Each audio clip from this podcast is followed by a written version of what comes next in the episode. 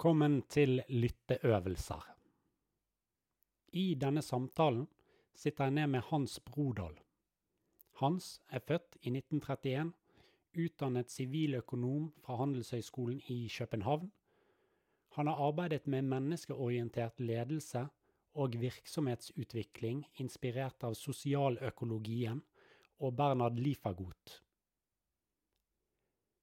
Sosialøkologiens konsepter, metoder og verktøy har som sin grunnleggende idé at man på det individuelle plan skal kunne gjenkjenne deres gyldighet i seg selv.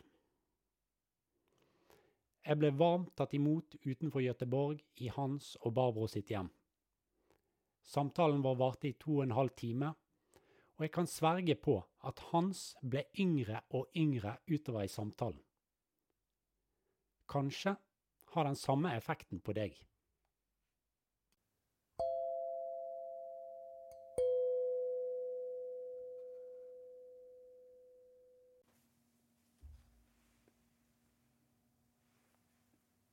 Så det er 11. november 2023, og um, klokken er fem på to. Eh, og jeg sitter her med deg, Hans Brodal. Du har, eh, du har eh, arbetat ett eh, långt liv med sosialøkologi.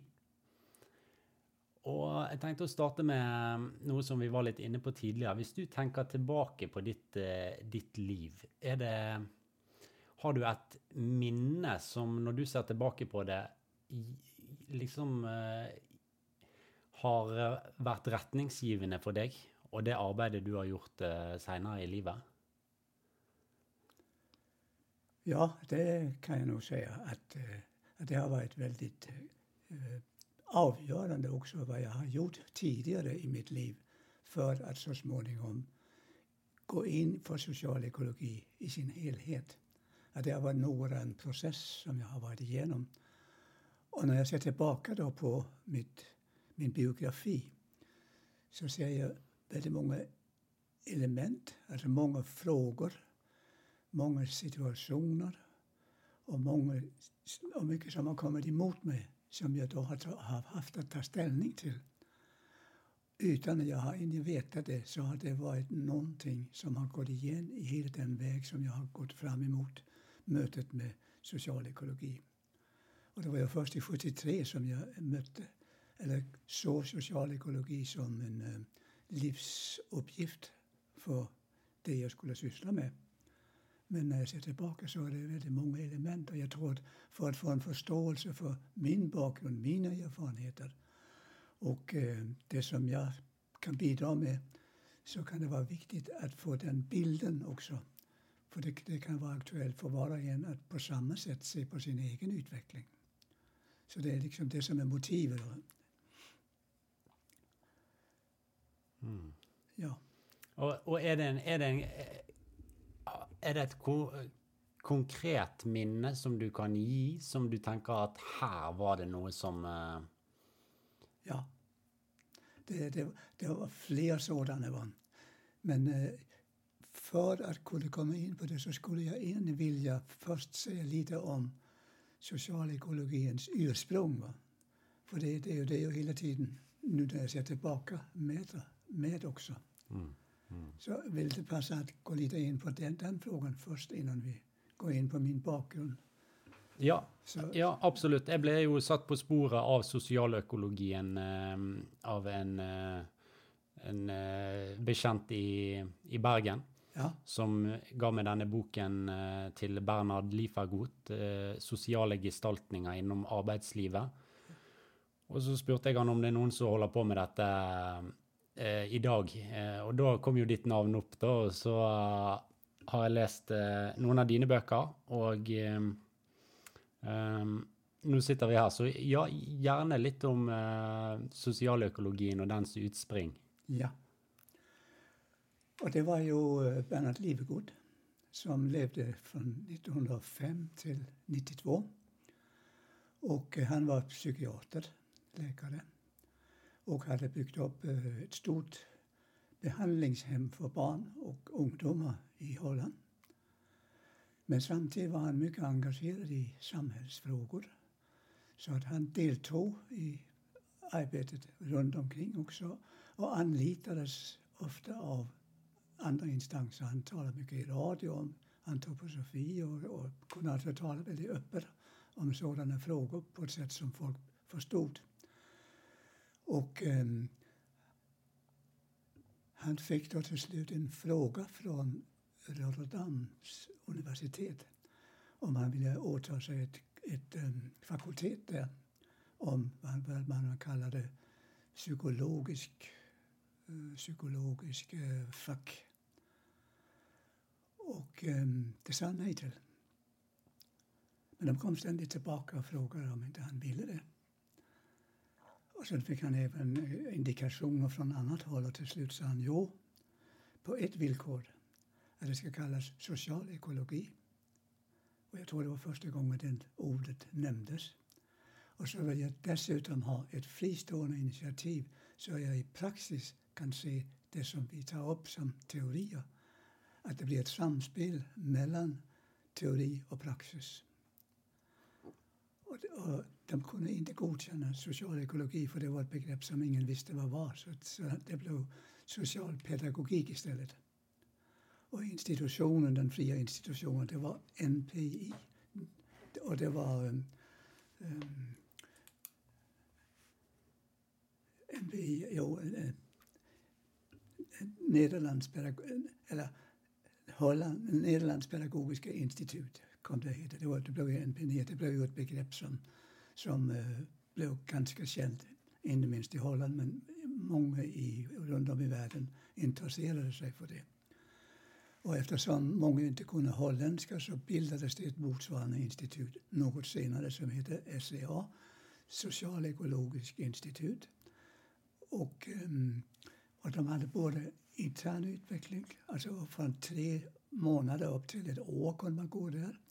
Och då arbetade man helt med det vi idag kallar socialekologiska aspekter. Men för, fördjupat med antroposofin. Och man gick också ut som en konsult som heter SCA. Så det var, det, det var två, kan man säga, plantskolor som jag då upplever har haft stor betydelse för utvecklingen i Sverige men också Skandinavien som helhet. Och det man kan säga idag är är att vi är många som arbetar med social ekologi.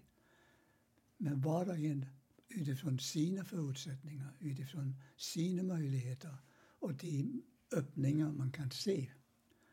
Och jag tror det är en mening med det också, att man inte ska igen fortsätta med en stor organisation som ska samordna alltihop.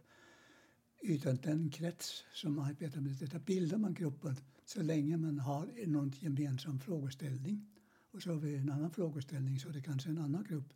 Så man på något sätt upplöser den här organisationstänkande, att man först ska ha en organisation så ska någon leda det arbetet. Utan här arbetas det på det sättet att man går tillsammans när man har en fråga gemensamt. Så det, det, det tror jag har en, en viss betydelse. Och jag har sett också nu att det finns ju otroligt många som idag arbetar på det sättet. Man möter någon, ja så gör du också det. Så det är intressant. Ja det var liksom den, ja, jag, jag kan också säga vad, vad, vad var det som var annorlunda. Och det var ju för det första att man inte längre såg, eller man såg att det är ett nytänkande som inte, som inte eh, har funnits tidigare. Utan det hade varit den strukturella organisationen som har, har gällt. Och eh, man har även eh, i det sammanhanget så har man sett det som viktigt att man kan, att man kan gå från, eller att man inom organisationen kan skapa de ramar som finns, som, som ska finnas och vem som ska leda det och så där. Att det var något nytt. Och ska man sammanfatta vad det går ut på så var det ju att med, med kortast möjligt tid uppnå största möjliga utbyte med minsta möjliga insats. Det är ju liksom det centrala i den nyliberala ekonomin. Och som, som jag nu har upplevt eh, också är utgångspunkt för New Public Management som väldigt starkt betonar just de här sakerna. Och då sa man att eh, vi ska nu gå en annan väg. Och som en kontrast till det sättet att tänka så tänker, så tänker vi inom socialekologin, eller ser socialekologins eh, aspekter som eh, att det är ett sammanhang, det ska vara ett sammanhang mellan eh, individuell organisations eller verksamhetsutveckling och samhällsutveckling. Alltså det ska vara ett sammanhang, man kan inte se det ena oberoende av det andra. Även om man arbetar inom ett visst område så är det ett sådant sammanhang. Och det andra det var att en organisation är en levande organism. Och det är medarbetarna som är livet i organisationen. Och det tredje, om man ska arbeta med detta så måste man acceptera att också ens livshållning godtar detta i den egna livs och arbetssituationen. Det var liksom det som var bak, bak blev det centrala var i det nya som kom till. Och där kom ju många nya medarbetare till, ehm, till NPI i Holland. Jag tror det var som max så var de 16.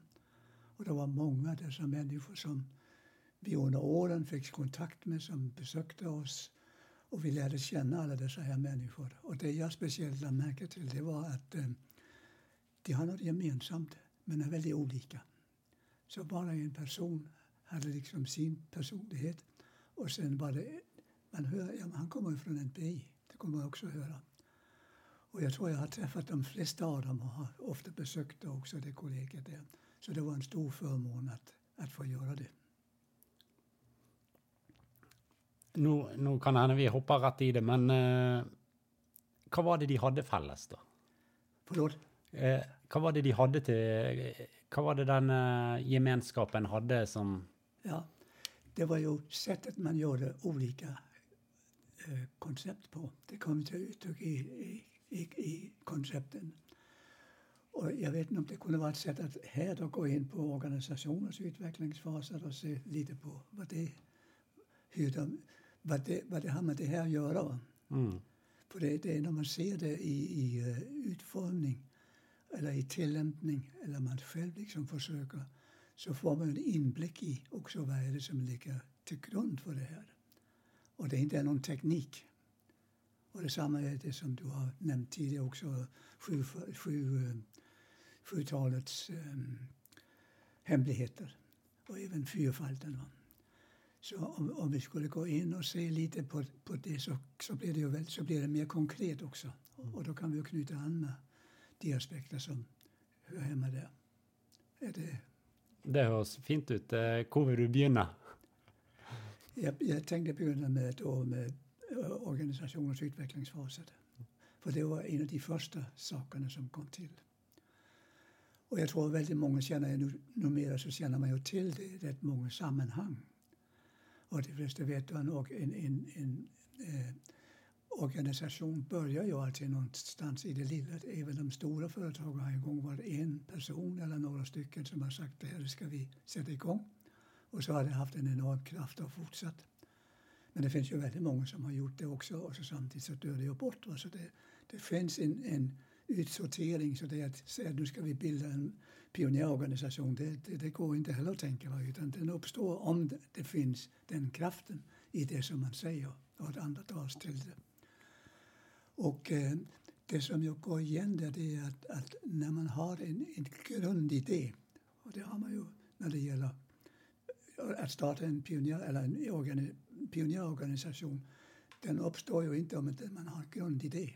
För det är det som är kärnan i det första steget. Att du har någonting som du verkligen tror på och som andra känner, ja men det gör jag också, det vill jag vara med om. Och eh, det har ju också den egenskapen, om jag därför bara nämna lite. Jag var ju med om Steinerskolan i Göteborg i sin tid, att den startade. Och eh, det fanns, det fanns ju nämligen bara en skola i, i Sverige och det var Kristofferskolan. Och det var statens inställning att det ska bara finnas en. Men vi kan ha Kristofferskola därför att det kan vara en experimentskola som vi liksom kan hämta idéer ifrån, men vi behöver inte mer än en. Så det var helt ur statens aspekt. Och sen började vi i Göteborg. Vi skulle ju också vilja ha en sån här skola. Och då var det bara nej. Det var, sen började vi så småningom att eh, prata med politikerna i Göteborg. Och eh,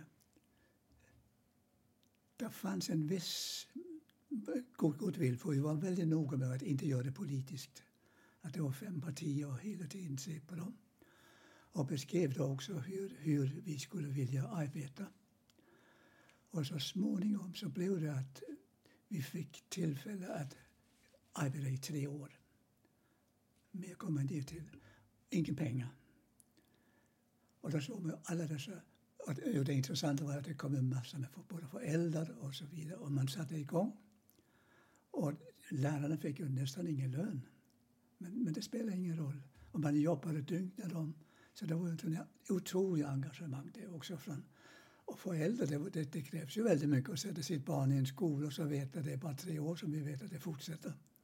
Så den, den kraften, den tycker jag den är en illustration om vad en pionjärperiod egentligen innebär. Så vet man också att ur den, så när den växer, jag kanske först ska säga lite mer om pionjärperioden för efterhand som den kommer att bli tredje klass så, så börjar ju politikerna att intressera sig för det här. Så när vi skulle gå vidare så bjöd vi in de fem partirepresentanterna partirepresentanter från skolvärlden i, i Göteborgs stad. Och de fick då sitta på de här små pallarna som, eh, som barnen satt på. Och när de hade satt sig där så kom det någon liten flicka in med björksaft och serverade. Och jag märkte med en gång den där stämning som uppstod där. Och så samtalade vi lite om saker och ting. Och vi kom också överens om att det som vi säger här till varandra nu, det är ingen som vi ska gå ut och argumentera för sen. Det är en sak som vi bara pratar om tillsammans om. Så där fick vi ett, ett väldigt bra exempel på att politikerna till och med sa, även om du sitter till vänster om mig så, så, så, så håller jag med om det du sa just nu. så att på det sättet så kom det en humor och, och liknande in och det, det tror jag betyder väldigt mycket för framtiden. För vi hade en positivitet med, med um, politikerna. Jag ska bara ta en sån här situation också från lite senare. Det var social, vad heter det, förvaltningen, skolförvaltningen. Där var det en som ville gärna komma och se vad, vad, vad gör de där då? Han kom hit då. Och så kom han. Och så gick han in i klassen. Det var visst också tredje klass, ja. Och så sa han, så, så stod han där så reste de sig upp och sa eh, God morgon. Oj, den ska. God morgon, kära, kära, eller god morgon eh, eh, eh socialförvaltning. God morgon, socialchef. Och så blev han lite förlägen, visste inte vad han skulle säga. Så gick en liten flicka fram till honom och sa, nu ska du bara säga god morgon, kära tredje klass. så det, det, det tog liksom en, en, en sån här speciell aspekt de där första åren. Och det kom fler sådana tillfällen också där vi märkte att vi hade en väldigt god vill i Göteborg. Och vi fick så småningom också en lokal. Men då skulle det vara tillsammans med en, en eh, vanlig skola också för att man skulle lära någonting därifrån. Så de hade en föreställning om att man skulle samarbeta kring det, vilket ju visade sig inte vara så lätt. Men okay, det, var, det var lite det som var bakgrunden, eller det som ledde fram till att det började nu uppstå en, en, en, en kraft. Inte bara i Holland men också så småningom i Sverige. Ja. Uh. Ja, och ja, pionjärfasen. Ja. Vi, vi, kan, ja, vi kan gå vidare med den också för då, då kommer lite in. Det blir en, ja. Det som ju händer i pionjärfasen det är ju att förr eller sen så kommer det att uppstå en situation där hur bra det än har varit så funkar det inte längre. Så är det något som gör pionjärerna har blivit kanske äldre eller, eller det är en ny konstellation eller det har blivit så stort att man inte överblickar på samma sätt. Och det gjorde ju då att eh, nu, nu, nu började liksom, nu måste vi organisera oss på ett annat sätt. Och då kan jag säga att det finns det två avarter som man inte ska göra. Och det ena är att fortsätta som om det vore en pionjärorganisation. Men nu ska vi vara med allihop. Nu ska allihop vara med om alla beslut och alla ska, alla ska ta, ta ställning i det forum där, i kollegiet. Så att eh, vi ska inte ha någon chef, vi ska inte ha någonting, men vi ska tillsammans lösa det här. Och det kan man nog kalla en ganska luciferisk föreställning att eh, tro. För det visar sig, vem ska vi prata med om det kommer en fråga från staten eller om det kommer någon förälder som ska ha nedsättning i ekonomi eller annat. Vem ska vi prata med? Det ska vi prata om. Men, men det visar sig ganska, och det dör ganska snabbt också för det har jag sett många skolor har försökt med det på den tiden. Men det dog bort. Den andra avarten så nu måste vi också ha en organisation. Och så kommer man in i det som man enligt som Waldorfpedagogiken går bort ifrån. Färdiga former. Nu måste vi ha en chef. Vi måste ha det och en, en rektor och vi måste ha de som bestämmer det ena och det andra. Så då bygger man upp en organisation enligt Eh, new Public Management i, igen. Så blir det den. Så där du har liksom den luciferiska och orimanska sättet att möta en sån här utmaning. Eh, och, och, och, och då är frågan, vad gör man då? Och då ska vi säga så här att um, det som blir avgörande det är att du i mellan dessa två former finner en form där du frågar dig som kollegium också Eh, vilka funktioner behöver vi egentligen? Ja, vi, måste, vi måste ha någon ledningsfunktion som man liksom kan vända sig till utan att den tar över alltihop. Och så måste vi ha kanske en personalorganisation och en ekonomiorganisation. Eller funktion. Och de, det är kanske det, ibland bara en eller två som man kallar dem mandatgrupper. Och för att det ska fungera så måste kollegiet besluta om att just de här närmaste två åren så skulle vi vilja se följande som ledningsfunktion för de har en viss överblick och så vidare. Och så beskriver man också mandatet, vad går det ut på? Och sen på samma sätt med ekonomi, det måste vara någon som begriper sig på ekonomi som kan sitta och ta hand om de frågorna. Men det är hela tiden det är kollegiets beslut om den struktur och den form man väljer.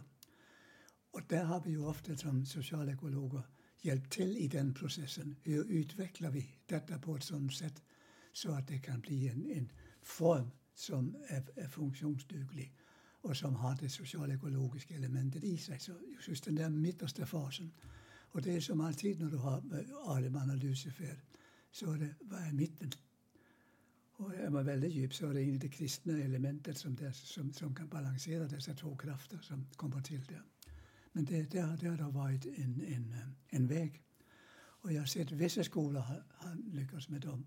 Men det är ingen tvekan om att där kommer den ena frågan efter den andra i alla fall upp. Och det som är två aspekter i det, det är också att du måste ha samtidigt en, en, en individuell utvecklingsväg. Hur, hur utvecklas vi som individer i det här sammanhanget?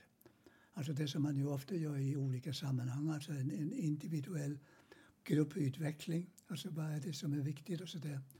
Och det andra det är um, hur, hur uh, möter vi samhället utåt? Vad är det som ska till i, i det sammanhanget? Så att man har dessa två former och individuella utvecklingar som, som väldigt centralt. Och, och det, är bara, det är bara ett litet steg på vägen. Va? Därför du, du, det, det blir aldrig helt färdigt men du kan säga att då börjar du egentligen en väg emot det vi kallar de tre um, uh, dialogerna. Att vi hela tiden måste tänka på dialog med pedagogiken. Hur har vi det där? Och där kan alla vara med. Hur har vi en dialog med varandra? Vilka former ska vi välja där? Och har vi en dialog med samhället? Hur är dessa tre funktioner? Hur täcker vi in dem? Och hur ser vi till att de verkar? Men det är alltså en, en, en ska man säga, en idealbild. Men sen kommer ju det praktiska. Hur gör vi detta? Och då kan man säga att det har lite att göra med de socialekologiska aspekterna, den fyrfaldiga vägen, sjufaldiga vägen och trefaldiga vägen. Som man då i första hand får en förståelse för vad är, vad är det här för element som kommer till. Och det har mer med lagbundenheter än med lösning att göra. För samma ögonblick någon sitter med en lösning så är det klippt. För lös, jag, jag har nog gång på gång kunnat konstatera också att lösningar stoppar utvecklingen. Så snart du har en lösning och säger att så ska det vara och börjar argumentera för den så, så, har det, så är det slut med utvecklingen. Så hur för vi utvecklingen vidare? Och sen kommer in det tredje elementet, integration. Men jag har inte sett någon som är i närheten av det annat. Jag har sett några som är på väg dit. Va? Så då har du de tre aspekterna i organisationens utveckling där man kan säga att pionjärfasen det är förnimmelseskäl, stämningen som lever där. Så kommer du in i förstånds eh, medvetandet om vi måste veta vad, vad, vad, vad vi håller på med. Och sen det tredje det är att vi måste veta, vi måste, eller, eh, medvetenhetsskälen. Va? Och det sista det, det är något man aldrig helt blir klar med men att det är en väg in där i, i detta. Så det är liksom, kan man säga, grundelementen i, i, eh, eh, pedagog, eh, i utvecklingsfasen i en, i en, i en i organisationsutveckling. Så det, och det är alltid spännande. Och där tror jag de allra flesta Jo, jag kan nämna också för många år sedan så hade vi en samling med, de, med alla tolvåriga skolor i Norden. Och jag vet, det var någon, både tolvåriga och andra skolor också, men framförallt tolvåriga. Och så, så ställde vi oss frågan hur lång tid tog det innan pionjärfasen så att säga tog slut och något nytt började? Och då kan man konstatera att eh, de första stora skolorna, Kristofferskolan, Hovsätare och så vidare, där tog det 17-18 år innan man började säga nu måste vi nog börja tänka i andra termer också. Och det blev inte särskilt dramatiskt.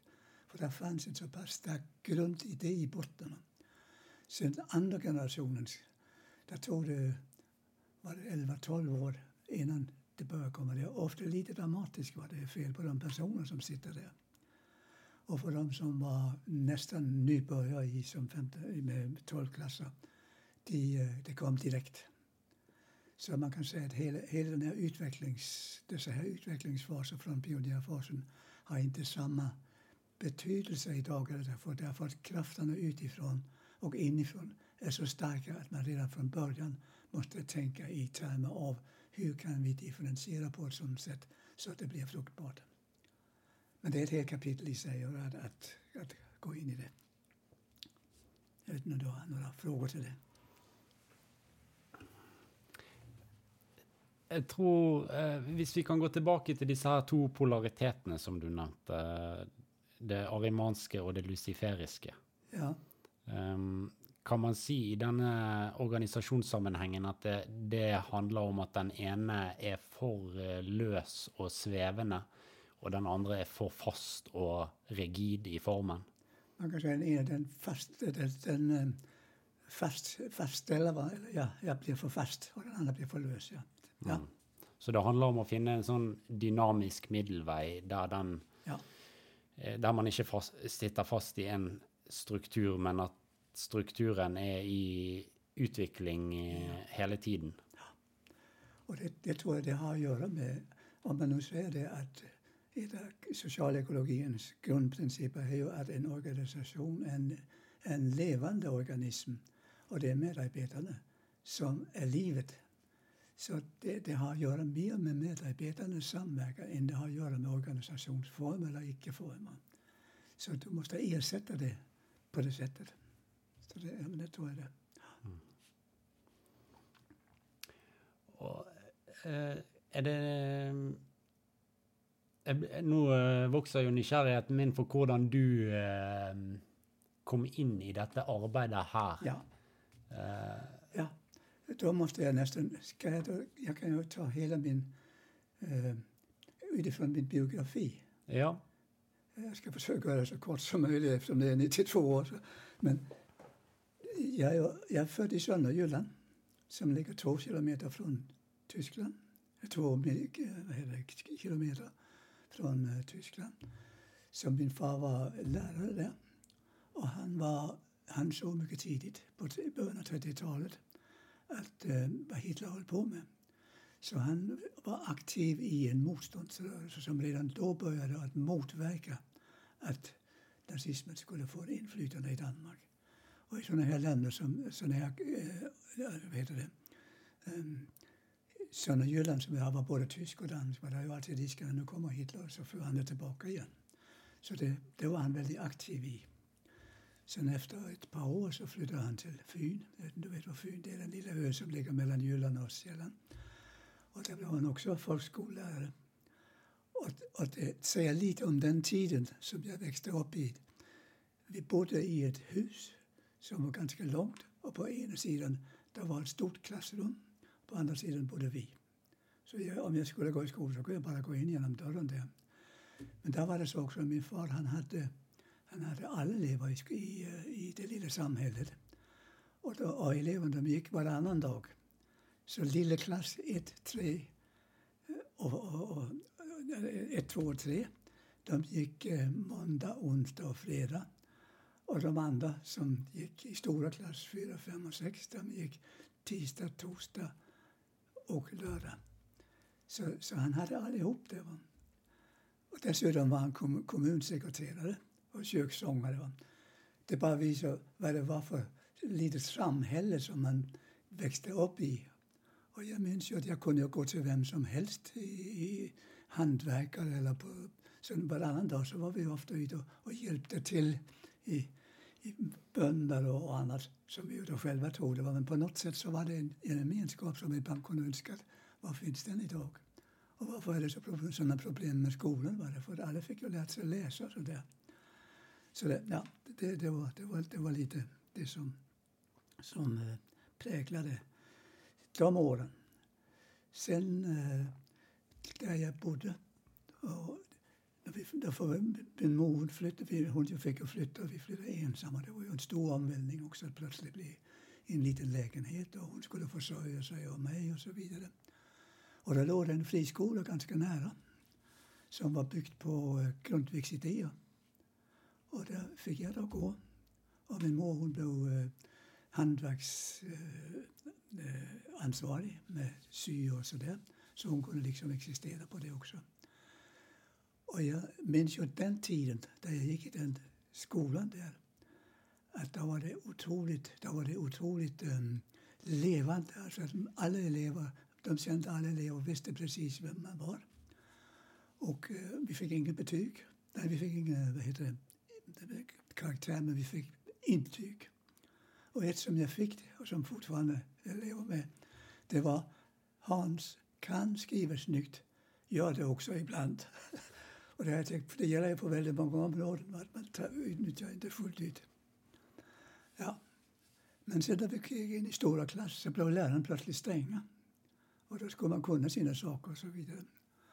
Och vid ett tillfälle så hade jag då åkt iväg med fotbollsskor på mitt bagage. Och matteläraren hade sett att jag åkt, så nästa dag blev jag hörd. Och jag kunde inte de sakerna. Vi ska ha ett samtal, sa han. Och vi fick ett mycket allvarligt samtal. Du åker inte och spelar fotboll om inte du först har gjort dina läxor. Och det var inte bara något han sa, jag kände, det kände, nej men det är ju riktigt. Va? Så att jag kände verkligen att där hade jag gjort något helt galet och det skulle jag aldrig göra mer. Så det, det var, det var en, ett, ett liv i, i, det, i det sättet. Så att, eh, ja. Jag bildade också, jag kommer ihåg föreståndaren, han hade en förmåga att starta med fina bilder så man blev intresserad med en gång. Han sa att om ni står vid havet och ser vågorna och böljorna komma så ska ni inte bli sentimentala och säga lilla böljor kommer helt från Amerika, för det gör den inte. Och så gick han över och förklarade vad den gjorde. Så det var, det var, det var ett, ett, ett, ett väldigt viktigt avsnitt som jag tror hade betydelse också när jag så småningom fick en öppning till socialekologi som jag då inte hade någon aning om vad var. Sen, eh, ja, jag fick ju en vuxenroll också var att alla sa att det var bra att din mor har dig. Liksom. Alltså jag fick liksom den där rollen där man ju liksom egentligen skulle kunna göra lite uppror. Men hon kom också fram till att det var kanske bra att jag fick en, eh, kom på en eh, internatskola som, eh, som man då där man, där, där man bodde. Och, och, det gjorde jag på, i Rungstad, det ligger mellan Helsingör och, och Köpenhamn. Så där var jag i tre år. Och då fick man ju liksom... Eh, vi var tre som bodde ihop. Och då märkte jag, men jag, hade haft, jag var inte van med syskon. Så att när vi satt, vi hade ett så här bord tror jag vi satt i alla tre och så hade vi ett litet skåp så vi hade väldigt liten plats. Och rätt vad det var så kunde det bli att eh, två blev osams och det hände ibland, så var det utan så, så, så brottades man. Och man har fått ner den andra på ena sängen så, så hade man vunnit. Och den tredje var la, den tredje, förlåt. Den tredje har lampan medan vi slåss. Så vi efterhand lärde vi precis var gränserna går, vad man kan säga och inte säga till varandra. Och så, där. så det tror jag var också en väldigt... Det var viktigare än själva gymnasietiden som var där. Mm. Så var jag två år i militären också, och vad det nu innebär. Så att, där bodde jag förresten på Kronborg, så det är intressant varje gång jag åker förbi där, så där har jag faktiskt bott ett halvår. Men sen så gick jag på Handelshögskolan och eh, efter tre år så blev jag då civilekonom. Och, eh, ja, det var ju liksom, det var att klara det. Alltså, jag hade många kompisar och sådär. Men jag kände hela tiden att de som, som jag helst var tillsammans med, det var hantverkare och eh, bönder som jag tidigare hade träffat i samband med att jag bodde i Rungsted också, eller på Fyn. Så där levde jag liksom. Och jag var, jag var ganska bra i idrott så jag hade många sådana utflykter på internationell plan och då fick jag höra efteråt att de här hantverkarna, de hade alltid betalat för mig utan att jag visste om det. Så jag, så jag, jag fick en sån respekt för just den hållningen. Sen fick jag ett jobb på Magasin Nord där jag var, där jag var um, anställd så efter att ha tagit, eh, blivit civilekonom. Och det, var, det var ju också en speciell, så plötsligt så skulle man vara expedit. Det hade jag ingen som helst aning om hur man gjorde. Och då kommer jag ihåg att man fick lite tips från dem som var erfarna. Och då var en, det var att om du möter en arg kund så be henne eller honom att sätta sig ner, för det är mycket svårare att vara arg när man sitter. så fick jag, det. men okej, det var vad jag fick med det. Sen var vi ett par som pratade om kanske vi skulle flytta till Sverige, för där, där har de ju verkligen ett behov av att Eh, där får man som civilekonom ett mycket mer omfattande, för de har storföretag och i Danmark är det mer småföretag som inte är så intresserade av den typen av utbildning, vilket jag gott kan förstå. Och sen hände det faktiskt det att efter ett tag, och vi hade pratat om det här med Sverige, så kom han med ett brev till mig och sa att um, jag, satt, jag satte in en annons i Dagens Nyheter under biljettmärkt, det vill säga alltså anonymt, va? som man kunde skriva till. Och nu har jag fått det här brevet. Och det kunde lika gärna vara du, för det som står i det, det kunde lika gärna ha varit du. Så vill du ha brevet, för jag har fått ett jobb i USA, så jag åker dit. Så du, vill du ha brevet? Ja tack, sa jag. Och så skrev jag, och det var, det var LM Ericsson och Sveda i Stockholm. Och jag skrev då Eh, min ansökan och, och så vidare. Och så efter ett tag så kom det en direktör ner till Köpenhamn och intervjuade mig på engelska, tyska och franska. Och därmed så fick jag anställning på deras internationella försäljningsavdelning och flyttade plötsligt till, till, till, Stockholm. Och det var ju också en övergång plötsligt med ett nytt språk. Och eh, som jag nämnde där, att jag kom snart underfund med att jag ska flytta steg eller steg till höger så, så blir det lite lättare. Men eh, i alla fall så, så... Jo, det var också när vi skrev brev. Så skrev jag, som jag trodde det hette på svenska. Och så skickade man in till utskrivningscentralen. Och så skrev jag den på riktig svenska. Så när jag fick det tillbaka så jämförde jag lite. Så på det sättet fick jag efterhand. Men det, det tog flera år innan jag på något sätt kunde uttrycka mig någorlunda på, på svenska. Men det var intressant att uppleva den där språkförändringen. Och den där övergången som jag kan förstå många som då kommer som flyktingar måste ju vara väldigt svårt att, att, att göra. Men okej, okay, det var då så här långt. Sen en dag, jag, jag, jag, jag tror jag flyttade fem, sex gånger för att hitta ett lämpligt ställe att bo. Så där kom en kollega och sa att det är en lägenhet ledig bredvid mig. Och eh, jag kan hjälpa dig att söka. Och det var en etta, så det var ju perfekt liksom. Och eh, den, den hade toalett och den hade ett, ett eh, kök och, och ett par rum som var väldigt bra. Och jag fick den faktiskt. Så det var ett helt nytt, det var en sån där, oj, nu har jag ett hem här också. Så en kväll så kommer grannen och säger, du, min fru, hon får besöka någon god väninna som, som hon inte har sett på länge. Så hon kommer ikväll och ska äta middag med oss. Vill inte du vara med? Jo, så det vill jag gärna. du kan, du kan komma in och titta på henne, hade de sagt. Och det var bara bra. så då, och, och det tog klick direkt så att vi ehm, från då av så möttes vi varje helg. Och så efter kort tid så förlovade vi oss och så gifte vi oss. Och så flyttade vi till Göteborg och fick fyra barn på tre år. Så det blev en otroligt intensiv period. Men det var, då, det var liksom viktiga inslag. Om jag ska ta ytterligare element så var det också när de barnen blev lite större så, um, så ville jag ju vara hemma också. Så att jag, jag tog ett jobb som uh, ekonomichef i ett företag. För jag hade varit konsult och det med att resa runt det är ju inte så bra när man har, har barn i den åldern. Och, uh, och jag fick det jobbet och det hade jag i sju år. Och under de sju åren så fick jag, så fick jag lära, för det var en liten organisation som hörde till, eller underordnad en stor koncern i Belgien. Och jag var kontaktperson, så förutom att vara ekonomichef så var jag kontaktperson där. Och då upplevde jag skillnaden mellan det stora företaget och det lilla. Det stora företaget, det var ekonomi.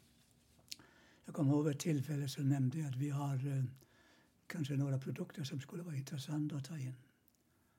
Och då sa han som är ekonomichefen där, eller koncernkillen, ni får göra precis ni vill, bara vi får 15 procents avkastning på investerat kapital. Det var den delen. Och i det lilla företaget, som jag också jobbade med, där satt en försäljningschef som var med båda benen på jorden och som eh, visste allting om produkter och försäljning och, och, och så där. Och hade naturligtvis god lönsamhet. Men vid ett tillfälle så hade jag skrivit ut en, eh, ett kravbrev som, till en stor kund. Så jag måste nog visa honom det för att jag, innan jag skickar iväg det. Så jag, så jag hade sett här att han inte betalat. så jag skickade iväg det. Här. Vänta lite, sa han. Tog han telefonen och ringde till kunden och sa Hej Nisse, vet du vad? Här sitter ekonomichefen framför mig och vet du vad han säger? Han säger att du inte har betalat. Så det är en lång förklaring. Ja, ja, ja, men du har ju så mycket att tänka på. Då kan jag säga till honom att pengarna kommer imorgon. så då fick jag liksom lära mig vad det, vad det innebär att stora och lite företag. Och det andra var vad det, jo, det var också med lagar. Jag såg det var några som, som, som inte rörde sig överhuvudtaget. Så då måste jag tänka lite grann på det lagret också. Så han menade, menade de sju rullarna som står bakom trappan när vi kommer in till vänster på, på lagret. De har jag hyrt ut till en kund som får lov att låna dem där. Så han betalar för mig, till mig för det också. Så det var hela tiden konkret. Så var en lite rolig sak också. Jag visade honom försäljningen mellan hans åtta säljare. Och så var 100 procent alltså vem som hade vad. Och då sa han, nästa år ska vi upp till 110 procent.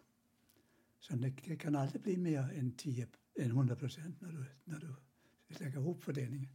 Vad är det då för mening med att arbeta? Men så kom vi, vi hade resonerat lite så du håller reda på procenten så håller jag reda på kronorna. så jag lärde mig väldigt mycket där. Men under den här tiden så hade jag ju hört om att det skulle eventuellt startas en Waldorfskola. Eh, Eh, så, så jag, jag, gick in i det sammanhanget också och, och, och, och var med där och kom in i styrelsen och, och var, var med där att på något sätt hjälpa till i det arbetet. Och eh, där fick jag då liksom igen en bekräftelse av att här är någonting som, som stämmer med det som jag tidigare varit med om i Grundvik och så vidare. Att eleverna ska ha sitt ska, eleverna är, är människor som ska ha en grund för sitt framtida liv. Så det, det fick jag väldigt starkt igen, hela Grundtvigsidén där. Så det blev också ett, ett, ett väldigt viktigt aspekt för att komma vidare med, med, med vart jag är på väg. Så det var de två. Och då upptäckte jag också att skillnaden mellan en skola och en verksamhet av olika slag, det är helt olika eh, värda. Och det var också det med kulturliv och, och näringsliv och så vidare som jag började ana att det är en, eller efter sig tillbaka, att det var en förstudie för det som blir centralt också i så småningom socialekologin. Och i och med detta så tror jag att jag var... Ja. Jo, jag, jag gick tillbaka en kort tid med, med, med um, jag jobbade som konsult en kort tid. Och det gick väldigt bra. Jag kände bra, men jag tänkte det är inte det här. Det är inte det jag ska göra. Jag undrar vad jag håller på med egentligen. Och då fann jag i min broschyr en, en, en, en broschyr som jag satte upp i bokhyllan för fem år sedan. Som uh, Rolf Dikstedt, som var en av pionjärerna, hade gett mig från NPI. Och, som hade varit, och det var Helmut Tensitov hade varit där i England och så satt, satt den upp där. Och jag så, när jag såg den första gången när jag var ekonomist, det här det är för psykologer ingenting för mig med eh, utveckling och sånt där. Och eh, så läste jag den igen. Ja, men här står ju att en organisation, en, något levande, något vi ska, det är ju det jag har sökt hela tiden.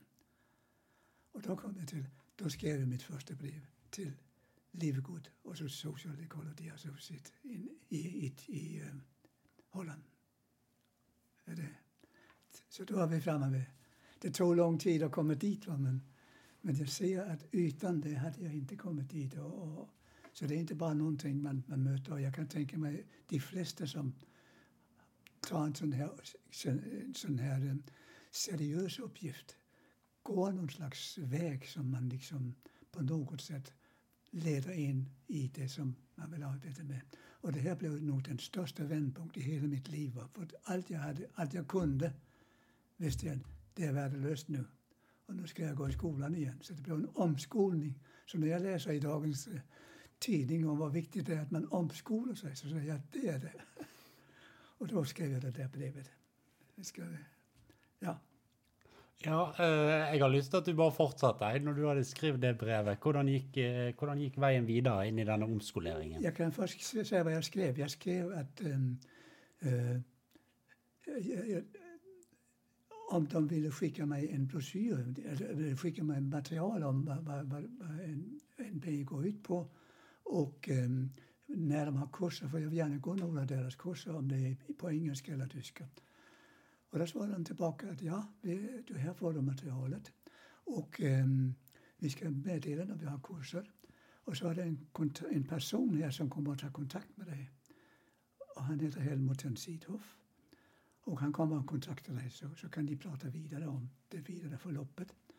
Och det intressanta var att det var ju Rolf Diktet som hade varit på Forestero och det var Helmut Sidhoff som var och då hade Rolf, Rolf Diktet tagit den broschyren som han sen gav mig som jag ställde in i bokhyllan. Jag måste vara försiktig här. Okej, okay. så det var, det var lite en sån här karmisk sak. Så att, eh, han tog då kontakt med mig och sen började en process. Ska jag gå vidare med det då? Ja. Då var det ju så här att, att jag först besökte jag honom i Schweiz där han var verksam. Så berättade han vad innebär det egentligen att arbeta med det, det sätt som NPI går ut på? Vad är det för typ av projekt? Och han jämförde med vad jag gjorde och så vidare. Så jag fick en inblick. Och sen så jag kommer till Sverige och så arbetade vi vidare. Och det var två till som jag visste var intresserade av de här frågorna. Och det ena var Leif Nilsson som var eh, ansvarig för eh, energiutveckling i Göteborgs kommun inom förvaltningen. Han sa att det, det fattas någonting i vår organisation. Och den andra var en fabrikschef som hette Lars Gunnar och han arbetade i en fabrik som gjorde motorsågar. Och de två undrade också, finns det inget annat sätt att organisera på än det som vi sitter fast i här? Så de två och jag, vi mötte då Helmut och han tog då upp olika projekt, eh, gruppdynamik och, och, och olika koncept som eh, utvecklingsfasen och annat. Men han tog upp alla de här typerna av projekt. Och så höll, vi, eller så höll han kurs. Så under var det, jo, tre år så var han fyra gånger om året uppe i Sverige och höll en kurs om social ekologi. Och varje gång när vi kom till en fråga så nu vet vi inte riktigt hur man gör, hur ska man göra med de här frågorna. Ja, men då håller vi en kurs, han. Och så gjorde vi det. Så vi fick en, en praktisk väg och han var väldigt noga med det inte, ni ska inte sälja mig som ett jobb. Ni ska sälja er själva, det är ni som ska ha det här. Jag är bara en hjälpmedel för att ni så småningom kommer igång och bildar ett eget institut, en egen verksamhet där ni ingår i ett större sammanhang också som vi, annars, alla vi andra gör. Så det blev liksom utgångspunkten. Och, ehm, ska vi se vad sa vi där, ja.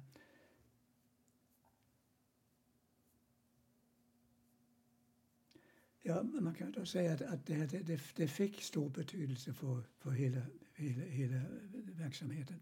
Att fler och fler kom in i bilden, både i Danmark och i Norge och i Sverige, som intresserade sig, för man hörde om de här. Och de som kom upp och besökte oss ibland, de som alltså nu inte lever längre, de hade ofta kurser i andra länder. till exempel i Bergen så var Leif um, uh, Lex Boss åkte dit och han var ofta i Oslo och eh, arbetade mycket där också. Så det blev liksom känt att här är någonting på gång. Så det gjorde också att, um, att, att, att, vi fick mer och mer jobb. Och eh, efterhand så fick vi själva eh, arbeta vidare och blev etablerade som, som sådant. Ja.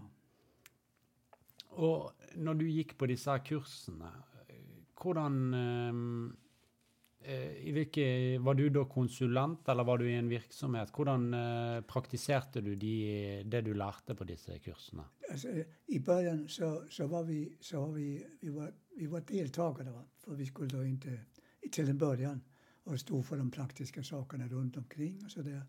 Men efterhand så överlämnade han och mot slutet så fick vi göra det själva. Så efter de där fyra åren sa han, nu får ni göra det själva. Om ni ska utvecklas vidare så ska jag introducera er för, för um, uh, SCA, alltså Social Development i eh, England. Va? För de har som uppgift att stödja de människor som vill gå vidare och skapa en egen verksamhet. Och då kan ni vara med också. Och mina två kollegor, Lars Gunnar och eh, Leif, de gick faktiskt tre månader där Barbro var också där i tre månader och med tanke på skolan och sådär. Så vi blev liksom en konstellation som, som eh, levde med det och jag var ibland där också. Så vi fick ett forum och där kan jag nog säga att vi, vi åkte dit kanske någon gång i månaden och var med i ett social development där också. Så vi kom hem med, och där fick vi den djupa antroposofiska bakgrunden och samtidigt också vad innebär det här i ett, i ett um, socialekologiskt projekt att vi har det. Så vi fick sambandet mellan antroposofi och praktisk tillämpning. Och det har jag upplevt som har varit väldigt fruktbart. Ja, jag tror det var... Ja. Mm. Det var, ja. Så, så det, vi, vi hade nästan alla typer av, seminarier som, som ofta kom utifrån de frågor som ställdes dels av oss men också från omgivningen. Så det, det vet vi ju ingen om. Då ringer vi Helmut.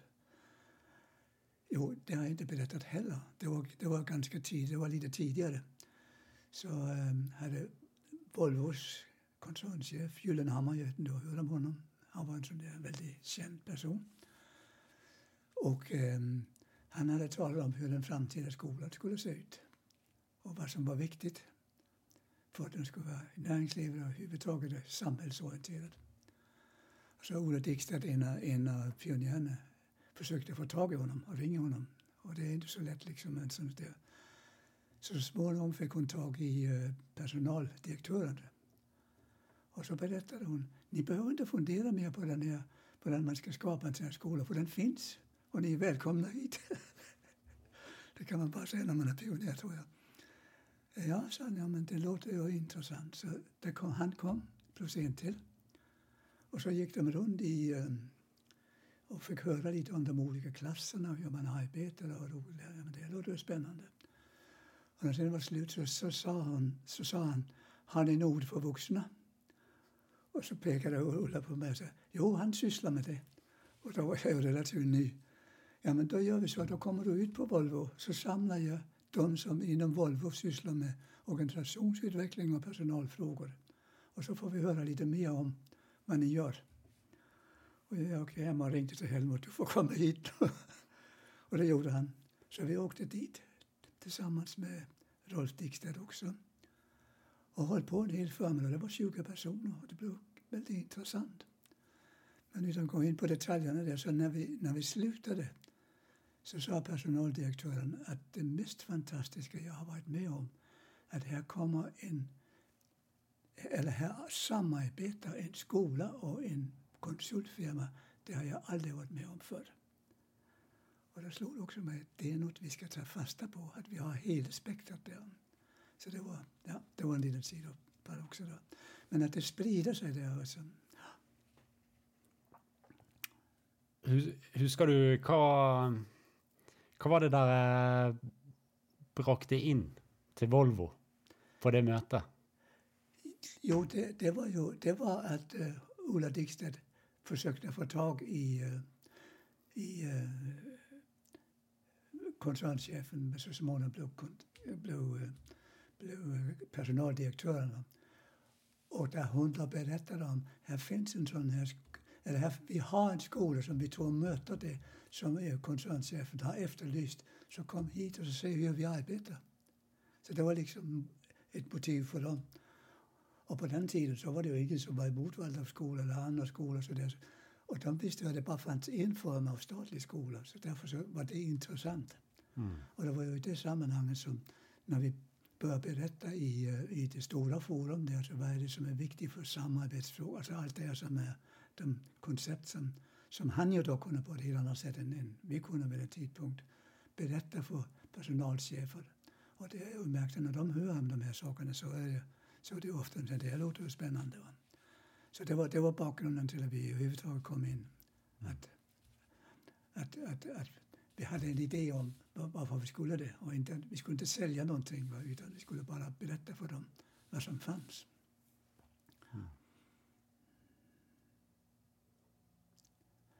Och det kom faktiskt från flera håll också, att, att man började ha hört någonting. Och lustigt nog så märkte jag att det fanns vissa ställen i Örebro så fanns det inom sjukvården, en stor sjukvårdsavdelning, en ledare som eh, var antroposofisk orienterad. Och det var likadant. NSB, där var det också det. Så vi fick ju frågor från, från dessa verksamheter. Och jag minns ändå NSB när jag fick frågan där så ehm, ja, och han, han som då var, skulle leda ett utvecklingsprojekt där man skulle, ut, man skulle utvecklas från att vara, det här den här um, militärorganisationen som, som NSB då var till en mer person eller um, patientorienterad. Va? Hur ska man möta en sån process? Så det var liksom frågan. Då ska vi ha en utbildning kring det. Vad är det då man måste göra annorlunda än nu? Och där var vi då med i den planering och i det arbetet och var det ofta med jämna mellanrum. Och det höll faktiskt på i fyra år att vi arbetade. Och det har varit, varit i, kan det vara på 80-talet eller något sånt där. Och, och, det var ju väldigt spännande för vi lärde oss också mycket. Och jag minns första gången jag var där så berättade jag om organisationers utvecklingsfaser. Och då, var det, då sa de det, det har vi aldrig hört förr. Det här måste vi prova. Och så, så var vi på väg in. Så att, ja. Jo, och jag kommer ihåg också i början så berättade jag väldigt tidigt om människans utvecklingsfaser med sjuårsperioden, men allt det där som, som, som vi normalt beskriver i, i, i, i Waldorfskolorna, vad är det som gör det? Och hela vägen fram till, till döden. Så det, det var liksom en, en, en, en introduktion till att när vi nu ska göra en, en utveckling här så måste vi se också vad är vi för människor och vad är det vi har för tillgångar i olika åldrar och hur kan vi ta hänsyn till det. Och jag kommer ihåg när jag var färdig så var det en som reste sig upp så av en ganska kraftfull typ. Och då sa han jag funderar på om jag ska ge dig en, en på stjärten, alltså slå dig, eller om jag ska applådera. För du har pratat om mig. Och det såg jag som en väldig fråga. Så han, det blir nog jag applåderar, sa han. Men, men det var, det var, och det märkte jag gång på gång, för på den tiden, nu är det många som pratar om det här också, men på den tiden så var det så fullständigt nytt att man gjorde det. Och det är då man kan förlänga det till också att se det som ett led i ett större sammanhang. Så att, eh, ja. Levegood sa en gång något väldigt, väldigt centralt, nämligen att om inte ni utvecklar det som vi nu har vidare så kommer andra göra det precis lika bra. Så det, det, är inte att vi har några färdiga koncept och, och, och, så. Det, Och det har jag ofta tänkt på också, vad, vad viktigt det är. För det som du var inne på nu med den eh, enkeltes eh, biografi eller livsfase, det är också ett viktigt princip i sosialøkologien, sånn som jag har förstått att man ser eh, alderen på medarbeiderne og hvilken livsfase og livssituasjon de er i. Ja. Og hvordan det kan være uli ulike styrker i det. Ja. I de ulike fasene medarbeiderne er i.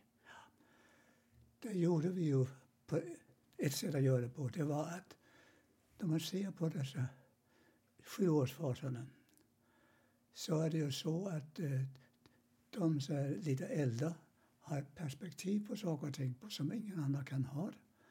Så att eh, de, de, har en, en erfarenhetsvärld som de kan kolla saker och ting och så har de yngre som kan utveckla det nya. Och du kan se nästan varje sån här fas, där har du människor som, jag talar från, ska vi säga från 28 till 35, så, så har du liksom de som är på väg in i någonting och så fulla eh, energi och, och kan mycket där. Och så har du de som har närmat sig 40 eh, undrar lite grann, eller vad håller jag på med nu? Är det något nytt jag ska komma in i? Eller, jag talar om 40-årskrisen. Och när man står mitt uppe i den så är det ju inte bara en kris utan det är en utmaning till att ja, men du ska göra något annat. Du ska göra det du har gjort fast på ett annat sätt. Och då kommer nya initiativ. För då blir det mer, hur bidrar jag till de som kommer in där nu? Och samma är det från 49-56 så började det lite grann. Kan vi se någon form av policy i det här som, som vi som har varit med länge kan se att det är en utveckling där. Så man fick liksom in detta i ett, i ett sammanhang. Och det har vi ofta använt i allt grupparbete. Att där sitter ju också ett antal människor där de som, eh, eh, där de som har väldigt mycket, eh, vad ska man säga,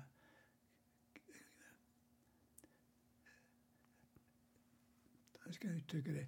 Ja, du, du du, får en viss kvalitet utifrån varje planet. Va? Så de som har mycket månkvalitet eller Merkurkvalitet eller, eller om vi tar Merkurkvalitet, det är de människor som, som när du säger någonting så har de svarat med en gång. Vet du, gör vi bara så här och så där. Va? Och så har du den som har mycket eh, Jupiterkvalitet. Ja, men har du tänkt på det här liksom? Och så kommer man in på en eftertanke om att eh, om du gör så där så händer det. Så då har du en polaritet där. Och likadant med Mars och Venus. Mars, nu, nu gör vi det här, nu ska det bli gjort. Va? Och så har du Venus. Vi måste vårda det här och vi kan inte bara köra över saker och ting. Vi måste på något sätt hålla, hålla, hålla eh, det på ett sådant sätt så att det blir vårdat och inte köra över någon. Så det har också en polaritet. Och sen också de med de helt stora perspektiven, Saturnus och de som är månperspektivet den de här stora perspektiven och så säger målparitet. Nu får vi saker och ting gjort. Vi kan inte hålla på och, och prata om saker och ting, men nu gör vi det. Va? Eller ja, vi måste veta vad vi gör. Så att, att, att ha ett seminarium eller ett grupparbete där de aspekterna kommer fram också. Och du har väl sett i boken också, där har vi ju liksom sett också vad, vad hör jag hemma i? Eller kan jag se det? Och så kan man samtala om det också.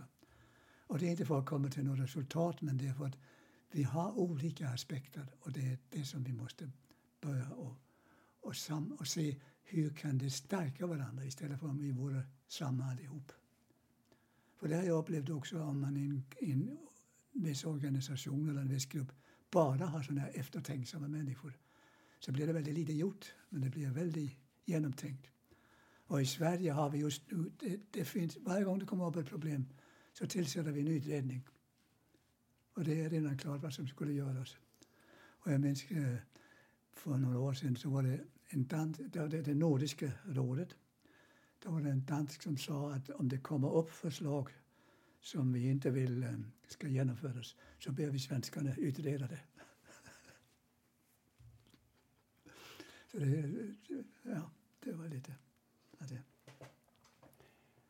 Så dette Det høres jo nesten ut som man arbeider med noen sånne um, arketypiske kvaliteter når du nevner disse planetene. Precis. At man uh, Ja. bruker de som noen bilder på kvaliteter som den enkelte har, en, uh, har i seg. Ja, Og at kanskje noen har uh, ulike kvaliteter, og at det med en bevissthet om det, at det kan være en styrke inn i gruppen, ikke, ikke en utfordring, så å si, men at Ja. Det ligger et potensial i det, at vi er forskjellige. ja.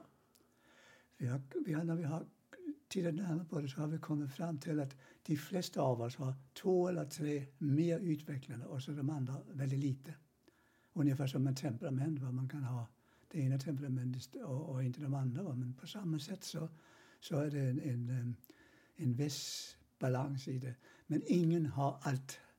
Och det är därför när en chef ska liksom stå för alltihop så har ingen de förutsättningar om man arbetar på egen hand. Så det är också viktigt att få fram sådana aspekter i, i, i det.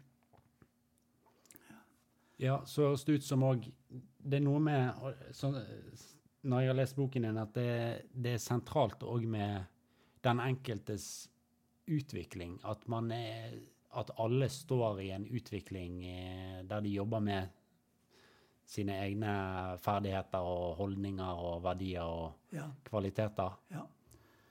Och då kan det ibland vara en fördel att vi gör det i en grupp och sen har man samtal. Till exempel tre. Och då har vi gjort det på det sättet att om det sitter en till det du lyssnar och jag försöker beskriva vad jag har i vårt, i, i vårt uh, arbete sett hos dig. Inte att du har det, det, de är det, men jag ser framförallt att du har väldigt starkt inslag av Jupiter. Du har inslag av eh, eh, Mars och så vidare. Så försöker jag beskriva det för, för dig. Och den som sitter bredvid lyssnar. Och sen när vi är färdiga så pratar vi om det som vi har pratat om. Och så får vi dina kommentarer också. Vad, vad har du hört att det vi har sagt, stämmer det eller stämmer det inte? Och vad har det givit dig? Va? Så det är ett sätt också att både, att inte bara sitta för sig själv och fundera på hur ska jag utvecklas. Men i en konstellation av människor som samarbetar, då har vi ju bilder av varandra. Och på det sättet kunna, kunna på något sätt komma i samtal om det. Så, så har det ju i sig själv en värde. Ja, ja, nu förstår jag liksom varför, varför du alltid avbryter mig när, när jag säger så och så. Ja. Ja, när, man, när man jobbar på den måten, är det, är det Det hörs ut som man må ha man må gjøre seg litt sårbar og ha tillit òg til hverandre. Ja. Jag har en bild, du har hört om Hans Glaser i eh, Järna, han var den som startade.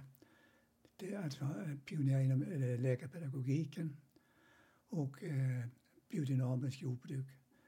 Och eh, han, han, han sa vid, vid, vid något tillfälle att um, eh, um, det, var, det var det frågan, det var eh, Sårbarhet och tillit. Ja, ja. Jo, han sa att vi, vi, vi måste ha klart för oss om vi så att säga frigör oss från alla hämningar vi kan ha och berätta om vad man egentligen uppriktigt, alltså, uppriktigt står för. Och då säger han, då blir man sårbar.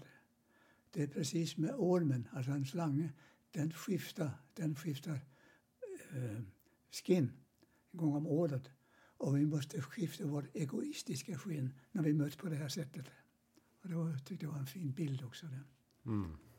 Han sa förut till, att- till mig att eh, jag vet inte vad du sysslar med men jag vet att det är viktigt. Ja, så det er som at man, eh, man får litt hjelp til å legge fra seg kanskje uvaner eller ja. eh, ting som man Vi har jo alle våre greier. Ja.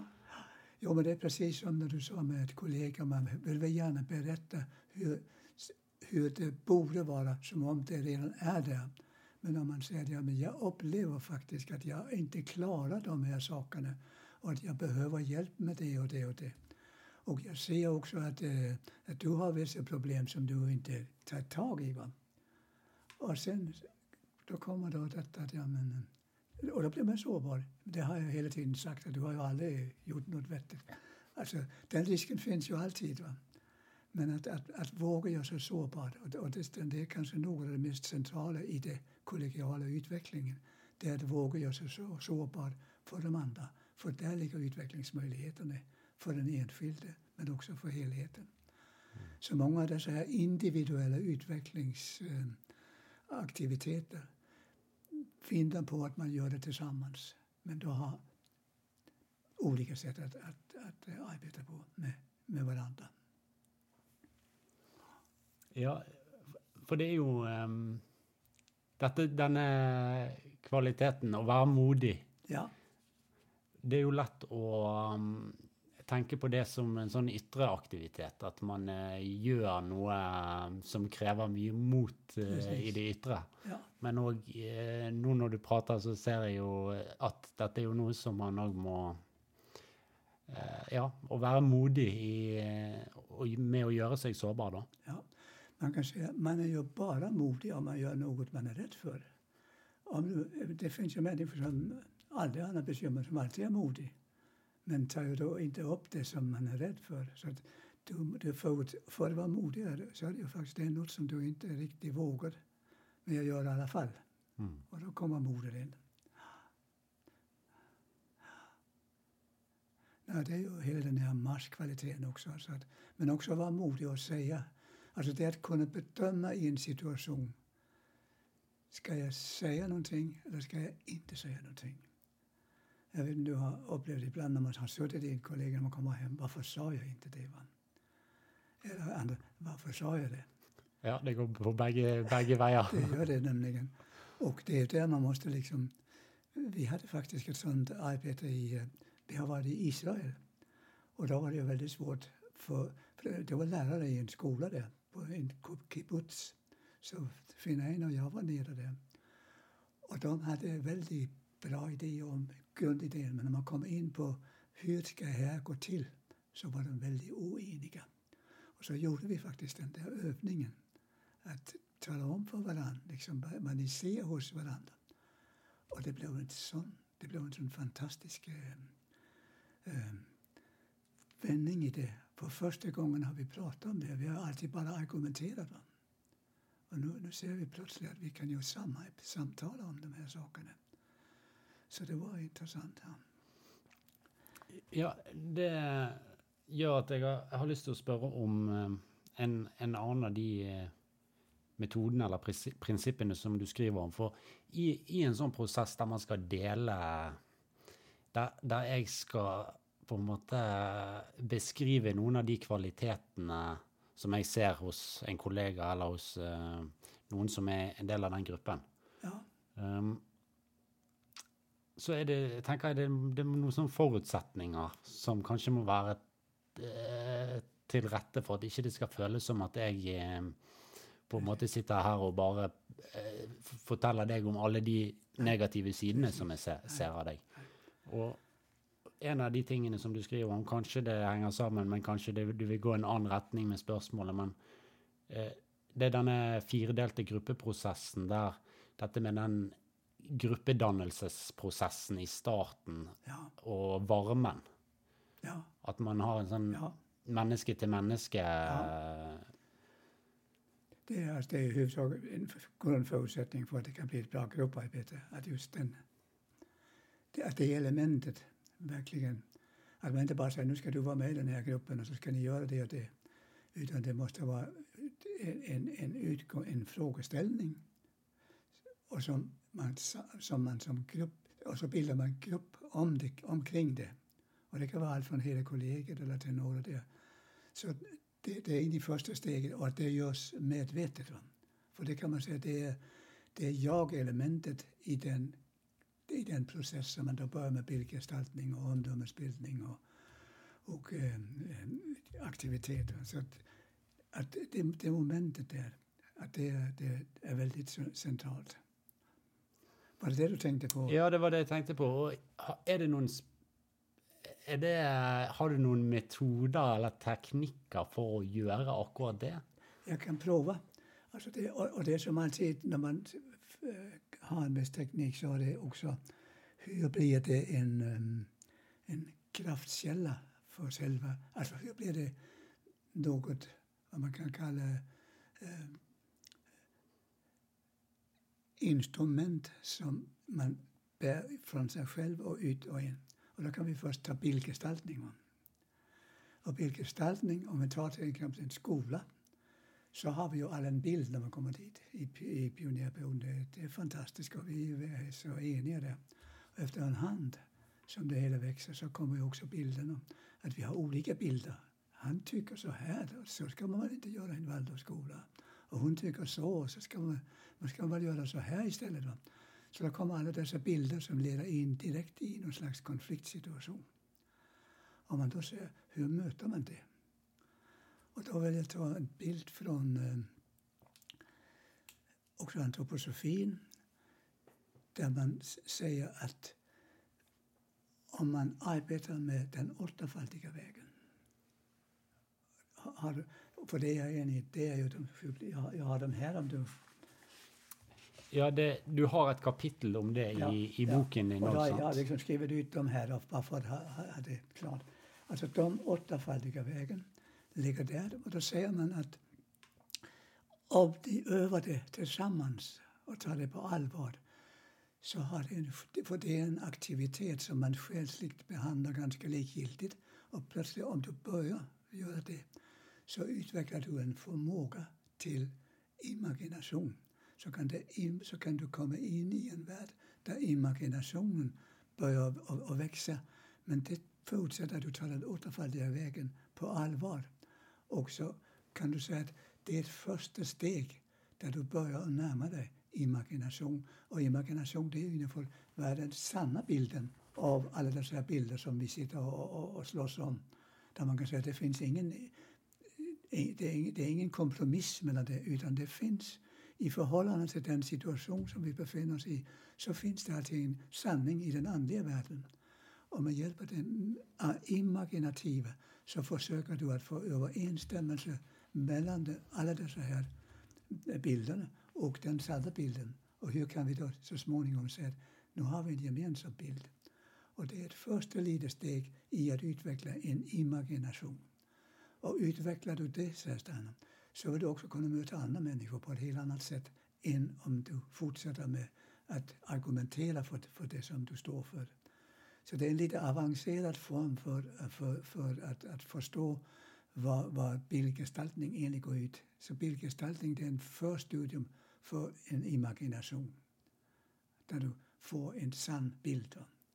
Och så är det i alla andra sammanhang när det uppstår en situation vad, vad, vad, är då, vad är då liksom den, vad är det den, för när man diskuterar så har man ju ett eller annat som man hänvisar till.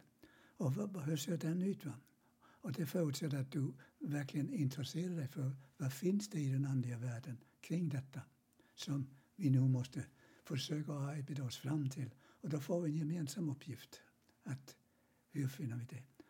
Och så, så ja, första gången jag hade en, en um, det har jag inte berättat. För det hänger lite ihop med det här.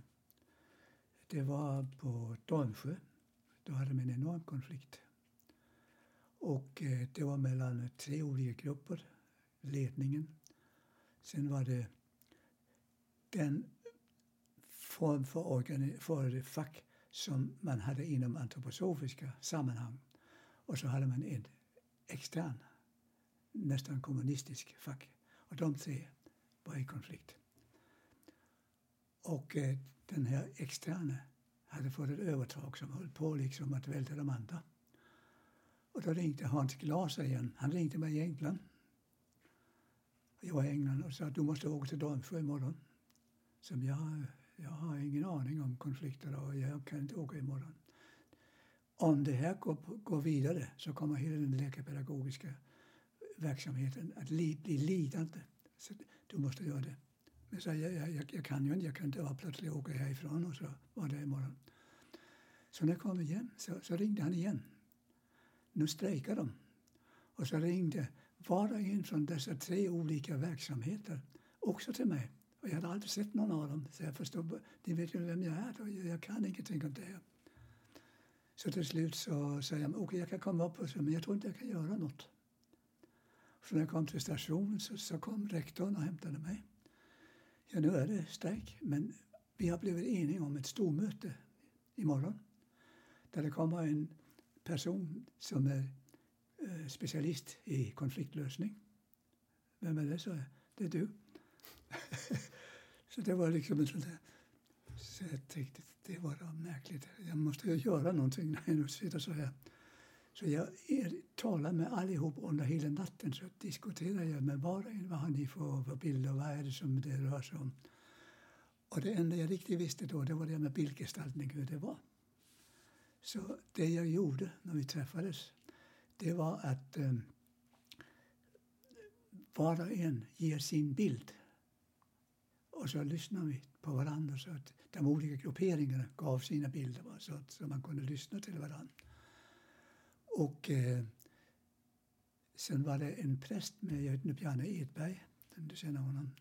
Men han var med i styrelsen också som styrelseledamot och så sa jag om det då kommer upp någon öppning så kan du gripa in på, om jag gör det så tar jag ställning. Va? Men jag försöker hela tiden att undersöka vad är det som, som lever i det här. Och så kom det fram så småningom att eh, jo men det här det, det, det, det, man närmar sig något. Och så sa man nu gör vi så, det föreslog han, nu gör vi så att vi går vidare utan någon ändring. Och om det om ett år inte har hänt någonting så tar vi upp det här igen. Och eh, det blev resultatet. Och så skulle jag vara där, komma jämna mellanrum och hjälpa dem med organisationsutveckling och sånt som jag inte heller visste så mycket om. Men jag har aldrig gjort saker och ting så bra sen när jag började lära mig en del om det. Så jag tänkte att det måste ha varit en karmisk eh, situation. Där. Så, att, så det var liksom, men det har att göra med det att hur, hur, får vi alltså en, san, en sanning i förhållande till det som lever. Och vi sitter inte inne med sanningen, ingen sitter inne med sanningen. Men tillsammans har vi en möjlighet. Och då kom det med den återfaldiga vägen, att man gick igenom den väldigt noggrant också i olika sammanhang. Eh, var och en, men tillsammans också som, ja, som vi sa förut. Jag vet inte om det var det du frågade om. Mm. Nå, nå får vi startet her med dette eh, varmeelementet og om å skape denne gruppedannelsen. Ja. Det mellommenneskelige. Og steg to i denne eh, fire, firedelte prosessen, det er bildgestaltningen, ja. eller billedannelsen, som ja. vi kanskje ville sagt på, på norsk. Um, men hvis vi tar, tar, det med den åttefoldige veien um, det, er, det, er noe, det, er en sånn selvutviklingsvei med buddhistiske røtter. Er det, går det an å si? Man kan si, Steinar har talat om det också, att, eh, att, det har, att det faktiskt har att göra med den buddhistiska. Det kan man läsa om också. Och då säger han, nästa steg, det är den kristna vägen, det är den sexfaldiga vägen. Så den följer efter det här. Men där har Buddha har gjort en enorm... Han skriver i en, en, en bok, eller i, en, ett föredrag, väldigt ingående om varför det är så, att, varför den återfaldiga vägen, att det är ett bidrag som Buddha har givit och som är en central utvecklingsväg. Och sen måste det bara följas upp av nästa steg som är det inspirativa, där du liksom måste gå den sexfaldiga vägen. Och då kommer du in i hur förhåller vi oss nu till varandra när vi har börjat få en sann bild. För det räcker ju inte att du har en sann bild så måste du också komma underfund med hur ska vi fördela det här, vem ska göra vad och hur ska vi samarbeta kring det. Så då, då flyttar det från bild, bilden till sam, samverkan mellan de som nu ska föra det här vidare. Och då beskriver han också att eh, det är den sexfaldiga vägen då är den ett, ett centralt element. Och eh, den sexfaldiga vägen den appellerar till var och en om man tar det här på allvar. För då, då, då, kan, det, ska vi säga, då kan det ske att, att eh, du, börjar, du, du ska börja att se det högre jaget hos den andra bakom denna eh, dubbelgångare som finns. du ser ju hela tiden när vi har problem så ser vi felen hos den andra. De finns, men det finns ett högre jag. Om du börjar intressera dig för vad är det högre jaget hos den andra så är det en väg in i inspiration. För om du börjar att ägna dig åt den andras högre jag så är det ett inspirativt element och du kommer in i ett inspirativt förhållningssätt till vår samarbetssituation. Det är mycket sammanfattningsvis eh, det som, som Steiner beskriver ganska ingående. Och jag tycker det är intressant när man talar om åtta och sexfaldiga och femfaldiga vägen. Att man inte bara säger att det är bra att göra en åttafaldig väg eller det är bra att göra en sexfaldig väg. Eh, men när du sätter det i relation till, en, till, den, till sociala situationer så får du ju liksom en mening med att göra. Varför ska jag hålla på med det? här? Jag har hört många som har arbetar med sexfaldiga vägen men aldrig att det har lett till något speciellt. Men kan du se det i ett sammanhang så, så vill det ju visa sig om det, om det har giltighet eller inte. Men, men då kommer det in i ett, i ett sammanhang. Och det sista det är att det är ju när du väl har bearbetat det inspirativt så kommer du till en... Eh, nu ska det föras ut i livet. Och vilken handling är det som verkligheten kräver? Och då har du igen ett samspel. Men det finns en handling i ett högre värld som är den sanna.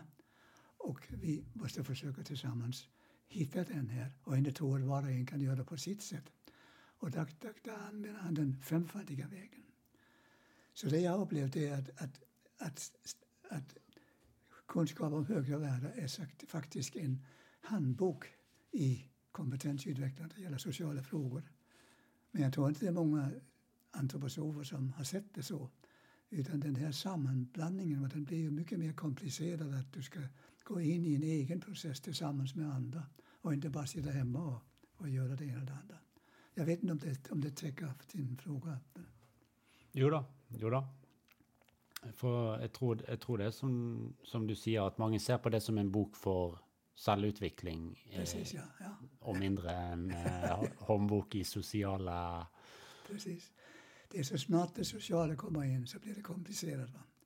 Och de flesta antroposofer sysslar ju, an, alltså där man har utvecklat, det är ju på, eh, vad ska man säga, idéplanet. Då har man ju väldigt tydliga bilder av vad antroposofi går ut på. Och du har också aktiviteter som visar hur man praktiserar det. Men däremellan finns inget, eller finns väldigt lite. Och det var, det var ju det, jag kommer så väl ihåg det att, eh, att gärna sa de att, att, vi skulle aldrig komma in där för att eh, vi, vi håller på med saker och ting som inte är riktig antroposofi. Och jag pratade en gång med Arne Klingborg och sa att pionjärfasen den ska fortsätta hela tiden. Och, och det hade gjort så länge han var där. Va? Men det är så intressant att få sådana här eh, aspekter in i att, att det finns, för det blir tredelning och tregrening, det blir plötsligt en, en realitet, va? det hänger ihop. Och inte bara att, eh, att du ska veta allt som Steiner har sagt om, om, om tregrening. Ja. Men jag, jag tänkte det som kanske låg i din fråga också, det är med dessa sju, hemligheten med, med dessa sju eh, det innebär ju, ska jag ta, ska jag ta för den lite, för jag ser det som en urmodell va? Där, du, där du går vidare utöver liksom att det är planet och sådär. Men eh, när jaget inkarnerar, eller ska inkarnera, eller vill inkarnera, har levt i en andevärld, nu vill jaget inkarnera, så blir första steget Saturnus. Och där vet jaget att när jag kommer ner till jorden så är det det här som är aktuellt. Det är det här som är det centrala. Det är det som är min mening. Det är varför jag inkarnerar. Va? Och det är som en liten Eh, diamant som man får med sig. Va? Och så kommer man in i nästa, det är eh, Jupiter-sfären. Och då, är det ju, då ser man den livssituation eh, eh som kommer att uppenbara, som, som man kommer att möta och som man kommer att ha med att göra. Vad är det för, vad är det för eh, eh, frågor som dyker upp där och då, kommer för, då, då har man förhållandet till hur man ser helhet så man kan se liksom sammanhang på ett visst sätt. Va? Och det är också i relation till den enskilde. En del har varit länge i den sfären och då, då är man väldigt, så är man väldigt tydlig med sin insikt Eh, och andra som kanske, för det sägs där man är olika länge i de olika sfärerna beroende på den karma man har med sig. Och så kommer du in i mars som gör, här är det en fråga om, nu ska något göras. Vi ska, vi ska göra handlingar som är nödvändiga och det är vad som ska göras, kommer då in i ett sammanhang. Och det finns ju också människor som har väldigt mycket det med sig beroende på, en del bara passerar snabbt igenom det för det ingår inte i karma den här gången. Så möts man på jorden med en människa som inte har särskilt mycket kraft till att eh, göra saker och ting men kanske är väldigt eh, eh underhållande i, i, andra sammanhang. Och sen så kommer den i solsfären. Och i solsfären då möter du hela den konstellationen. Alla du kommer att ha någonting med att göra. Vi ska träffas på jorden, vi ska mötas och vi ska ses och vi ska göra det här tillsammans. Så då har man en bild med sig vad ens karmiska nätverk, hur det ser ut. Det är alltså liksom bilden. Sen kommer du in i Venus som ju är kärlekens planet och där får du en förmåga till eh, ömhet, till förmåga till eh, att, eh, empati och till att vårda saker och ting. Och det är också människor som har det starkt utvecklat och andra som har det mindre utvecklat. Och därefter kommer Merkur och Merkur är ju, om man ser på planeten, den är nästan omöjligt att, att se eller hur den förflyttar sig. Där kommer du in i en värld där du lär dig hur du ska möta oväntade situationer och att ingenting är givet på förhand. Och här kan du liksom eh, eh lösa, här, här kan du möta oväntade situationer om du får med mycket därifrån. Och det är ju en, en, en, en øh, egenskap som en del människor har. Alltså, så snart du säger någonting, då gör vi så här. Va? Och så kommer du in i månkvaliteten och då är du liksom här nere på jorden och då får du en ryggsäck. Och i den ryggsäck där står allt det du inte har fått gjort i tidigare inkarnationer. Nu är det dags. Och jag kan berätta, jag var en gång i Moskva och då, då skulle vi, då, då talade vi om de här sakerna. Och så hade de på avslutning så visade de liksom en, hur, man, hur det kunde se ut. Har jag berättat det eller har du hört om det? Nej. Då, det, då börjar det med en som stegar som sitter högt uppe med, med ett stort tyg och ser ingenting när man sitter där uppe med en liten diamant där va, som man ska ta med ner på jorden.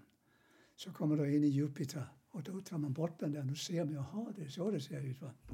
Och sen det tredje, det är Mars. Där, där, fick, där, fick, där kom det, fick en hammare så man kunde göra saker och ting. Och i, sol, i eh, solsfären så gick, så gick de runt och, och kramade om oss allihopa. Vi ska verkligen göra de här sakerna. Och tänk vad fint det ska bli när vi ska träffas igen. Och, det, stod det, eh, och i, eh, i Venus då, då kramade man också om väldigt innerligt så att, så att vi skulle verkligen känna att vi var goda vänner och så.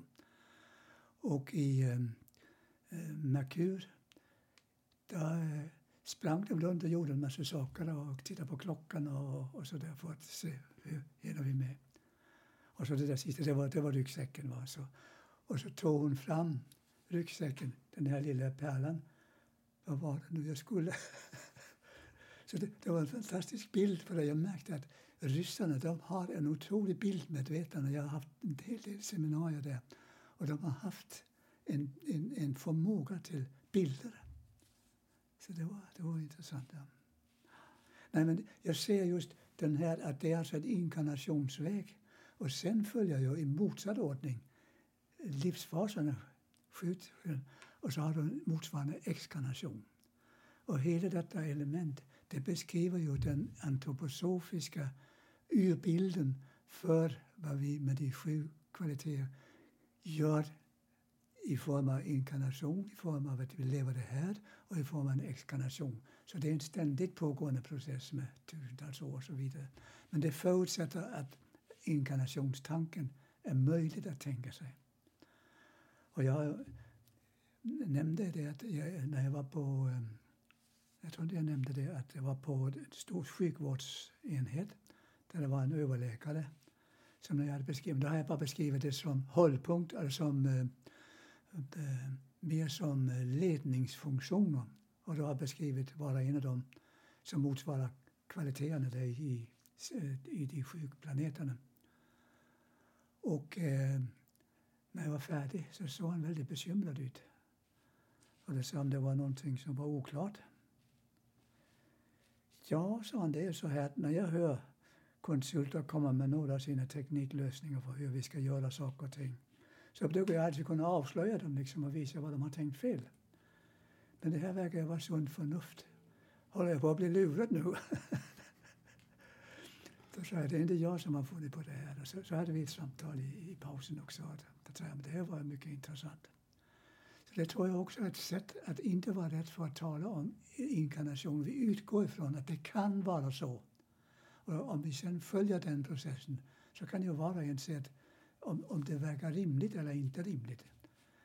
Och jag kommer ihåg, det var för många år sedan också i en, eh, jag blev kallad till skola i Alingsås förresten, att eh, då kristensamfundet, det, det har ni i Norge också, att eh, det var en del representanter där som var undrade liksom vad, vad den här skolan skulle stå för.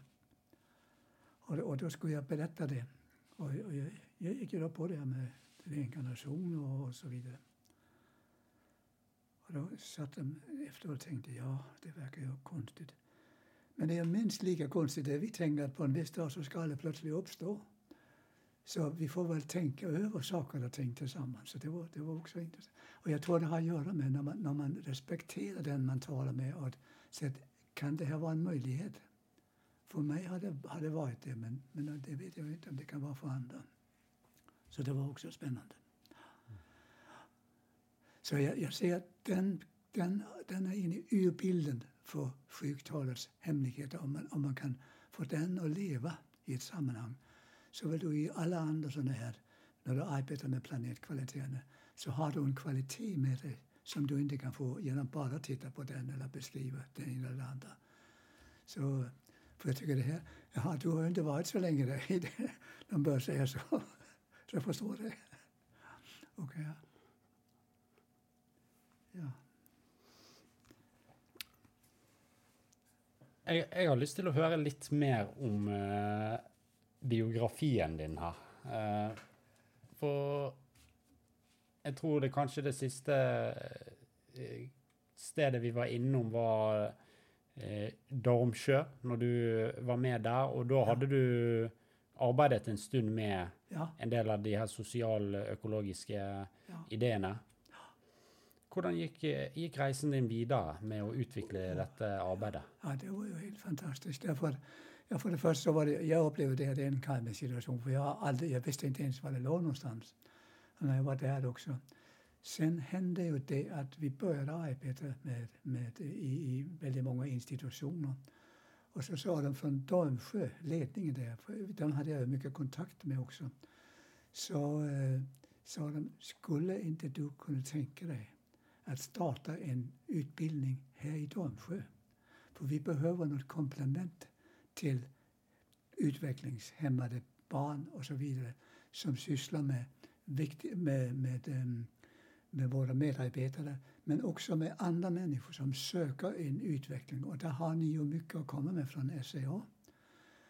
Och det ledde, för att göra det kort, så ledde det till att ehm, Leif och jag vi, vi startade en eh, fyra veckors kurs i social ekologi.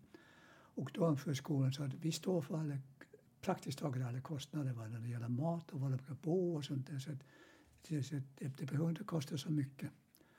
Och eh, det, mm, det, det blev faktiskt väldigt bra. Och sen fortsatte det.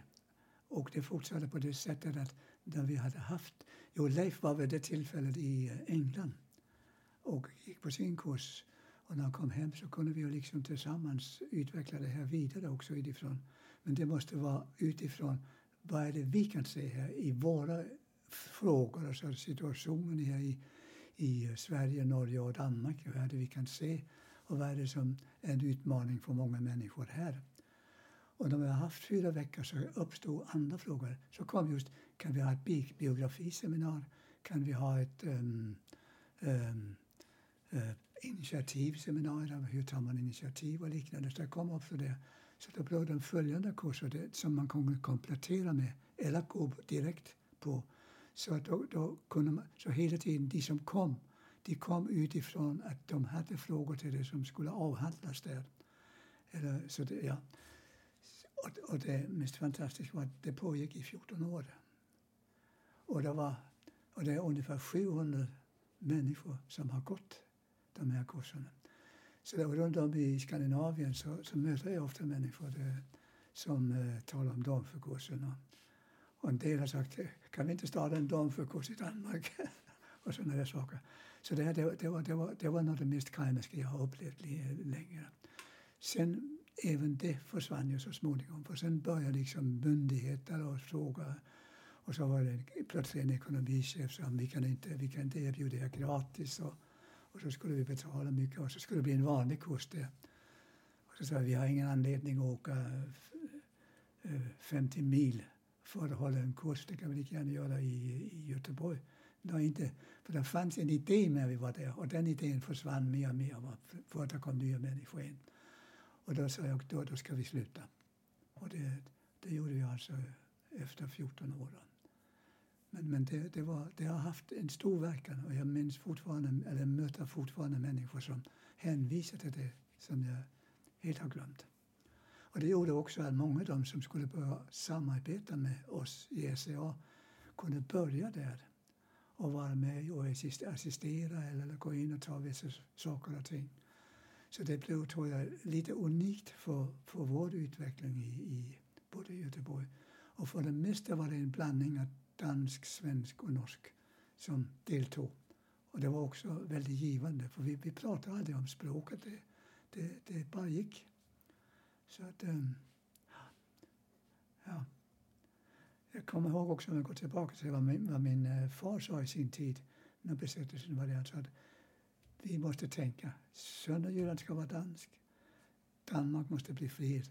Men vi måste tänka nordisk. Om inte vi, vi länder i Norden kan finna tillsammans utifrån våra egenart, då ska vi veta att längst uppe då har vi, då har vi eh, Ryssland och längst ner har vi Tyskland. De kommer att äta upp oss om inte vi gör detta. Och det jag upplever, vi har inte gjort det. Och det har gjort att folksjälarna i, upplever i de tre nordiska länderna, de är mer eller mindre borta. Eller, de, de, de, de blir över, överväldigade av, när det gäller till exempel invandring, där är det ju social, då är det ju, vad heter det, då är det ju främlingskapet. Vi ska inte ha någon här, va? de ska skickas till Afrika eller någon annanstans. Vem ska det vara här? Och det stämmer inte med det nordiska. När man tänker på hur det var under kriget, då kunde man ju aldrig flytta till Sverige eller man kunde flytta till... Så jag, jag har sett vissa saker där som jag tycker skulle kunna bli en framtidsperspektiv. Jag vet inte om det besvarar din... Känner du till Domsjö? Alltså jag har ja. Eh, bara så vitt från någon av böckerna dina. Ja, ja. Jag bara mm. nämnde det för det inte... Ja. Mm. För jag har också varit noga med det att inte gå för starkt in i det antroposofiska. För det var många icke-antroposofer som, som fick den här boken också. Och det upplever jag också, så snart det står Stein eller något så blir det liksom fokus på vad man diskuterar istället för temat. Va? Så det var, det var ett motiv. Jag har inte ens nämnt Stein eller, eller, eller Liv, jag har nämnt Livegod. Har jag nämnt den där boken? Um, jag tror den är nämnt i den uh, gemenskapsbildnings... Jo, ja, just det. Just mm. det ja. ja, nej, men det... Men den, den videre aktiviteten, da, når dette kurset hadde vart i 14 år, hvordan uh, utviklet det seg videre, det arbeidet deres? I Dolmsjö? Uh, ja, eller uh, i ja, Sverige, i Norden, jag. Jag kan säga det så att, att det finns idag väldigt många runt om som jag vill kalla differentierade. Så jag vet helt enkelt inte hur många. Men jag möter, som jag sa, jag möter väldigt ofta människor som hänvisar till det. En del gick in i egen konsultverksamhet, andra gick in i en, en, en, eh, och blev medlemmar i en konsult eller, eller man blev samtalsterapeut eh, Eh, eller vad man nu blev. Men att det har skett en enorm differentiering. Och jag tror inte på att man idag ska bilda en organisation för social ekologi som ska ha ett centrum någonstans. Va? Utan den har det centrum där de människor som är aktiva verkar. Och jag kan säga att Lena kom ju in på det sättet att hon och hennes man de arbetade i uh, Kungälv. Och det var de uh, föräldrar och barn som hade svårigheter i skolan eller, eller på annat sätt. Så, så de, Och de fick en egen avdelning där de fick arbeta med skolfrågor. En elev kunde till exempel kontakta dem och prata med eleven. Eller de kom föräldrar, så föräldrarna kunde prata med varandra. Så de fick ju en övning i att arbeta med den typ av frågor på ett verkligt eh, socialt sätt. Och det tog de med in i SCA, så där fick vi plötsligt någonting som ingen av oss andra kunde. Och de, idag så har Lena, hon har till exempel halvtid på SCA och halvtid i Socialstyrelsen. Så när de har sådana problem så går hon dit och hjälper till och kan ta samtal med elever eller så. Så på det sättet så har jag intryck av att socialekologin har fått en spridning och har tagits upp på det sätt som de människor som har sett det har kunnat förbinda sig med. Och inte hur var det nu Hans och gjorde. Liksom. Det, det, det, är helt orimligt. Utan vad är det som, som är, är, är våra möjligheter? Och vi har ju hela socialekologin. Men, men den, är ju, den kan ju tillämpas i liten skala, i stor skala och så. Så det har jag upplevt som en, en sund utveckling. Det är väl som Leif Holbeck sa, det vill visa sig vad det blir.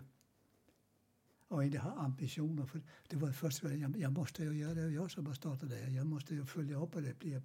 Så, nej, jag ska inte följa upp någonting.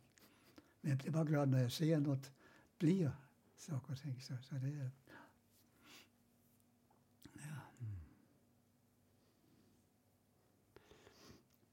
Ja, for jeg liker jo den tanken med en sånn desentralisert uh, ehm, bevegelse, eller uh, men, men, så blir det spørsmål Hvis man vil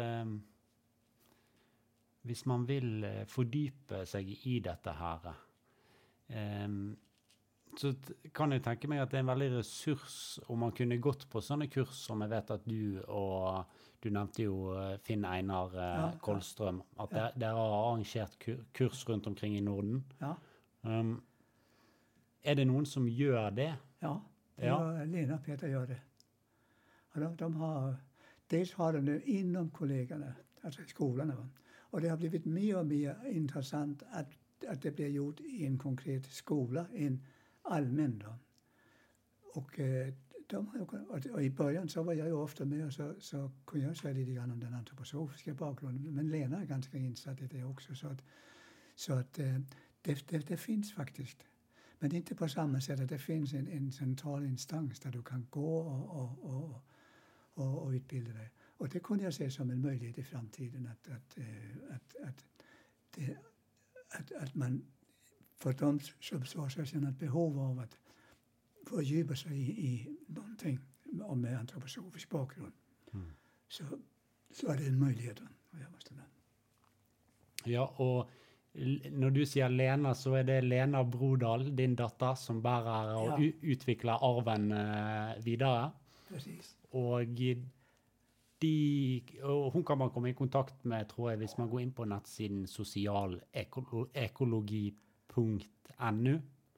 Ja, ja om man er interessert i å, å lese mer om det. Ja.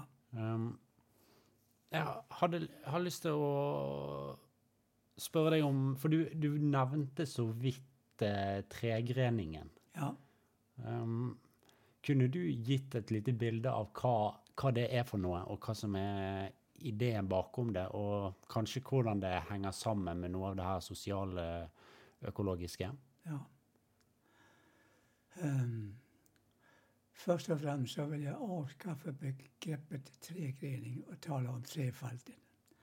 För tregrening, det, det blir lätt ett system som, som några håller på... Jag måste vara lite mer vaken här.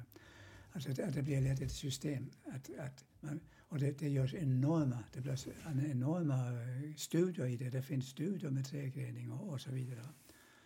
Och um, jag kan säga att där jag, där jag har konkret arbetat mycket med det var när jag hade 12 klass. För då tänkte jag att det skulle vara 14 dagar med träning. Och då gick jag då in på och sa att vad, vad är det ni har här i skolan? Då har ni ju en pedagogik. Och eh, det kallar man kulturlivet. När man arbetar med, med pedagogik så är det ju en kulturlivssituation. Och så gick vi lite grann in på vad, vad vet de om det här liksom och, och eh, hur, hur ser man på, på, på det. Sen har ni ju också att eh, när ni är färdiga här så ska ni ut i arbetslivet. Och då vill ni uppsöka om ni kommer till Volvo eller ni kommer till eh, vilken som helst annan verksamhet så vill det finnas en massa regler där också. Det finns lagstiftning, men det är det enklaste. Men så finns det oskrivna regler som ni har. Så vid en viss tidpunkt då gick eh, Gyllenhammar som var koncern i träskor och så gick nästan hela ledningsgruppen också i träskor. Så det var liksom en, en stil som, som kom till uttryck där. Och det finns andra saker vad man kan säga och vad man inte kan säga. Och så sa jag, när ni hör det här, har ni sådana oskrivna lagar här också? För det är, det är ert rättsliv. Om ni har oskrivna lagar så har ni ett rättsliv som ni följer mer eller mindre bevisst. Lagarna det, det är ett mindre problem, för det säger ju lärarna till också. Där.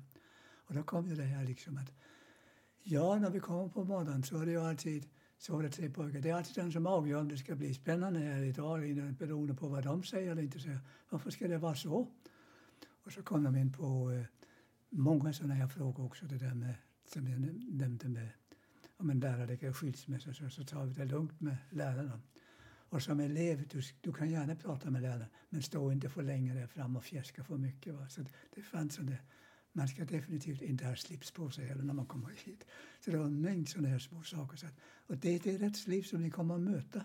Och det, och det förutsätter att vi kommer tillsammans och gör någonting. Och då gjorde vi en sån här liten grupparbete också dem emellan för att få se att kan vi överbrygga dessa svårigheter. Och sen kom ju det tredje att eh, ni ska ju ut i livet också. Va? Och vad har ni tänkt där och hur kommer det att verka, att det som ni får med er ut i samhället, ska ni ju gå ut om, om ett halvår så är ni ju färdiga här så ska ni ut i samhället. Hur har ni tänkt detta i, i, i, i, i er framtid? Va? Och vad innebär det att ni ska gå ut? Hur förbereder ni er för det? Och så, och så, så, då, då pratade, så vi försökte liksom ha de där tre aspekterna hela tiden i vårt samtal. Och jag har även gjort det i andra sammanhang också, att, att inte gå för långt i att förklara vad tregrening är, utan att du möter det på olika plan. Men det att komma fram till en, en tregren, ett samhälle, det är det är en väg, en väg som man egentligen aldrig når, utan den kan man närma sig gradvis. Och det har just att göra med de, det man kallar eh, dialogen med de tre. Alltså, och det, det, det, det, är grundläggande också. Så vad är, det, vad är det som är viktigt här nu? Var har vi en helhet och var har vi det inte? Och då, jag, jag skrev det till dig också att eh, när ni har problem med skolan, är det primärt pedagogiken som skapar problemen eller är det samspelet eller är det förhållande till omvärlden? Var någonstans är det ni ska sätta in för att komma vidare i första omgång? Och det, och det, det måste man då liksom fråga sig och inte ta alla tre och sådär. Och jag föreställer mig att eh, samspelet är kanske den viktigaste delen där, kring det. Och så kan man också säga, är samspelet beroende på pedagogiken så får man ta det om den frågan kommer upp. Eller är det, hur ska vi liksom se till att när man kommer ut att man också har en förutsättning för att kunna gå in i arbetslivet. Så det, det, det, det är några aspekter. Sen har jag, jag, har, jag har skrivit väldigt mycket om det här också. Så, men men äh, var det? Vi hade faktiskt en äh, stor konferens i Göteborg på 2000. Nicanor Perlas, jag vet inte om du hörde om honom? Och så Yasser Ben Aharon. Det var två eh, personer som eh, eh, arbetade just med vad krävs, vad, vad krävs antroposofiska sällskapet för att motsvara Mikaels förväntningar på oss i vår tid.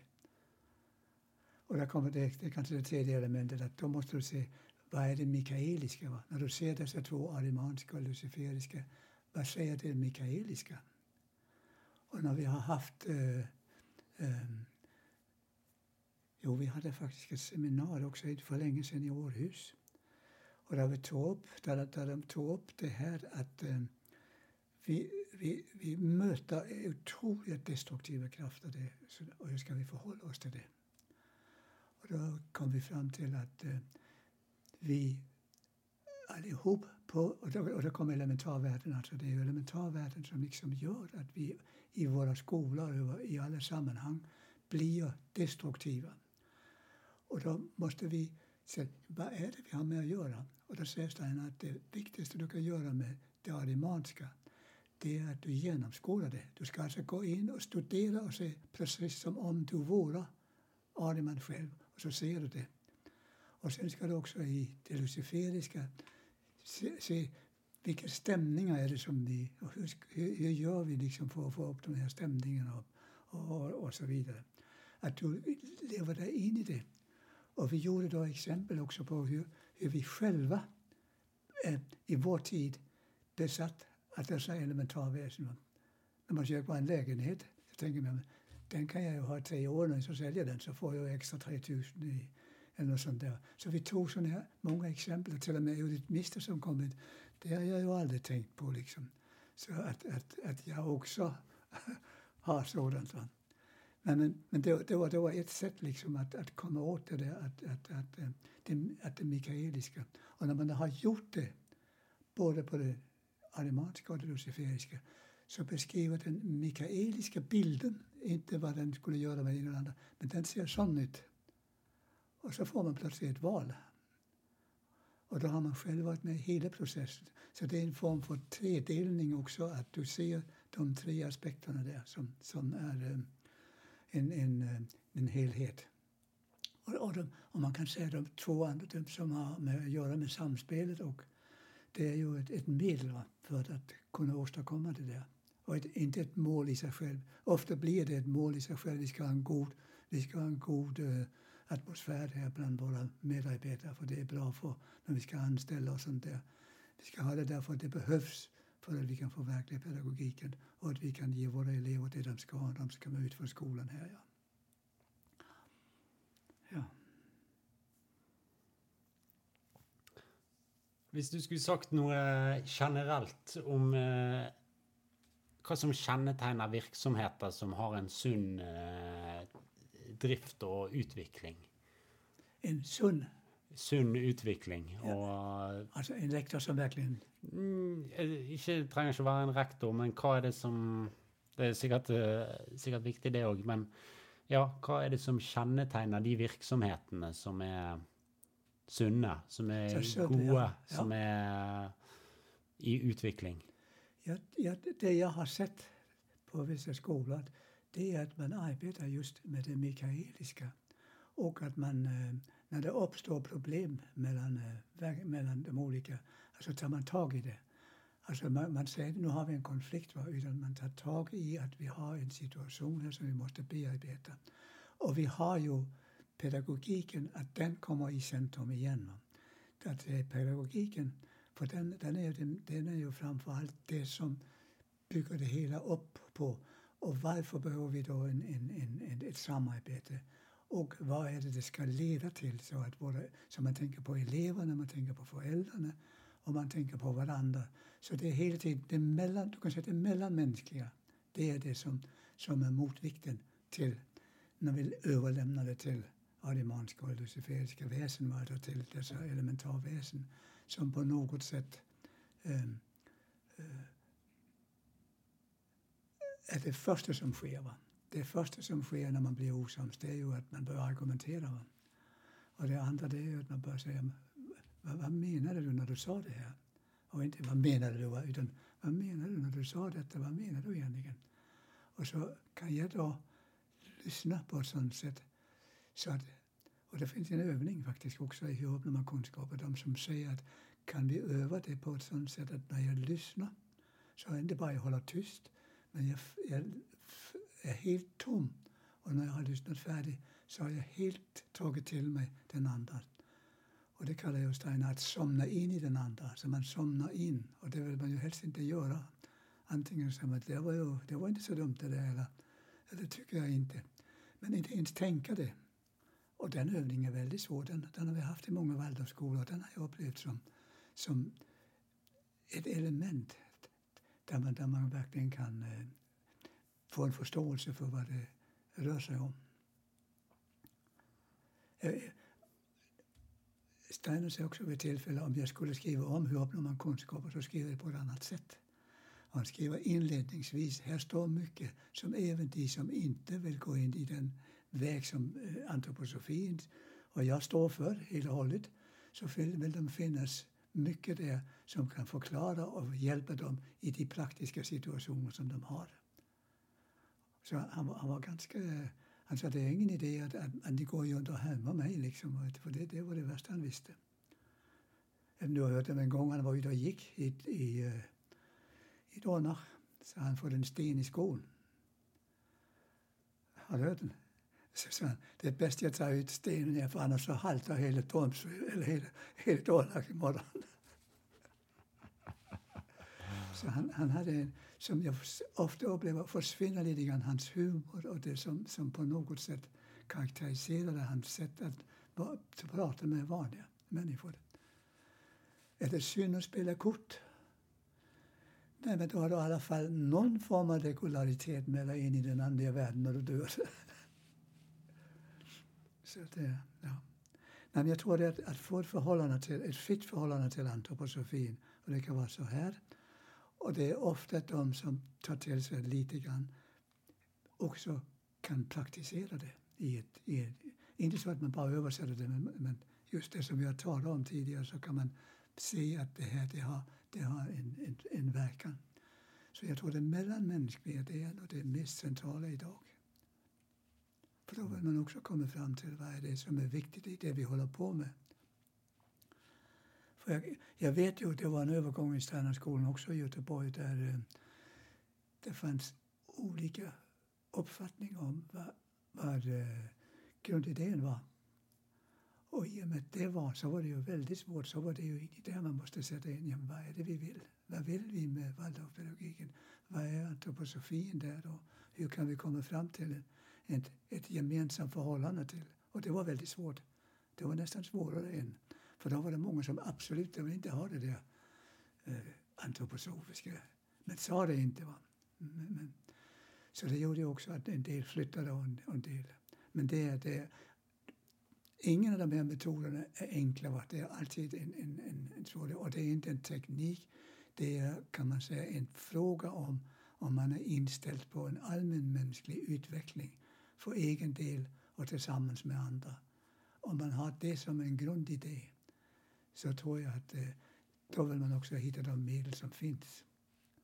Och jag har märkt när vi som socialekologer har åkt runt till olika eh, verksamheter så har ju de eh, eh, ofta kommit in i en process och sen när man kommer nästa gång så, så har de glömt det.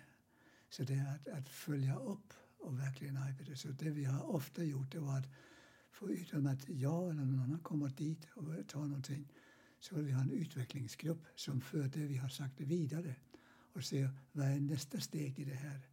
Så att, så att inte man kommer tillbaka och säger nu, det har vi glömt. För det är så mycket annat som tränger sig på. Och det, man ska svara Skolverket och man ska svara det ena och det andra. Och hur kan man liksom ge tid? Och jag har haft ett ställe också så att varje kollegium man avsätter en timme där vi inte tar praktiska problem där vi samtalar om det vi är, varför vi är här. Och det, det, det, det, är inte alltid man kan göra det, för det är en del som inte vill ha den typen av samtal. Va? Men, men eh, det är i alla fall en möjlighet att komma vidare. Ja, för det, det är centralt uh, i, i boken din, dette med grunnideen, visjon, policy. Ja. At man klarer å skape den der felles uh, forståelsen og enigheten om ja. uh, hva, hva, det er som er ja. hensikten, og hvorfor, hvorfor, vi gjør det vi gjør. Og, ja. Og det, det er liksom den øvre solen, og så det den virksomhet som ligger under solen, for det er jo der saker og ting hender. Va? Och jag har ofta sagt att um, det är på gräsrotsnivå som man ser om en utveckling har skett eller inte. Man kan komma väldigt långt i, i, i de tre övriga aspekterna. Och så har du plötsligt, ja men det ska göras också, vi har inga pengar, vi har inte tid. Och, eh, och så vidare. Va? Hur ska vi få tid och hur ska vi göra det? Och, då, och då, då, måste man, det har vi haft, eh, det finns ju också time management va, som du vet var en, en övergång. Och det har jag också sett många av de här sju planetkvaliteterna. Man plockar ut någon av dem och så blir den allmängiltig. Den kommer att gälla i alla sammanhang. Eller så har du visionsmanagement eller du har initiativmanagement. Men det är ingen som jag har sett som har sett helheten. Att du ska ha alla de aspekterna också. Så du, du, du kan först konstatera när du har varit igenom den här processen att nu är det de här tre vi ska arbeta med. Eh, till exempel. Va?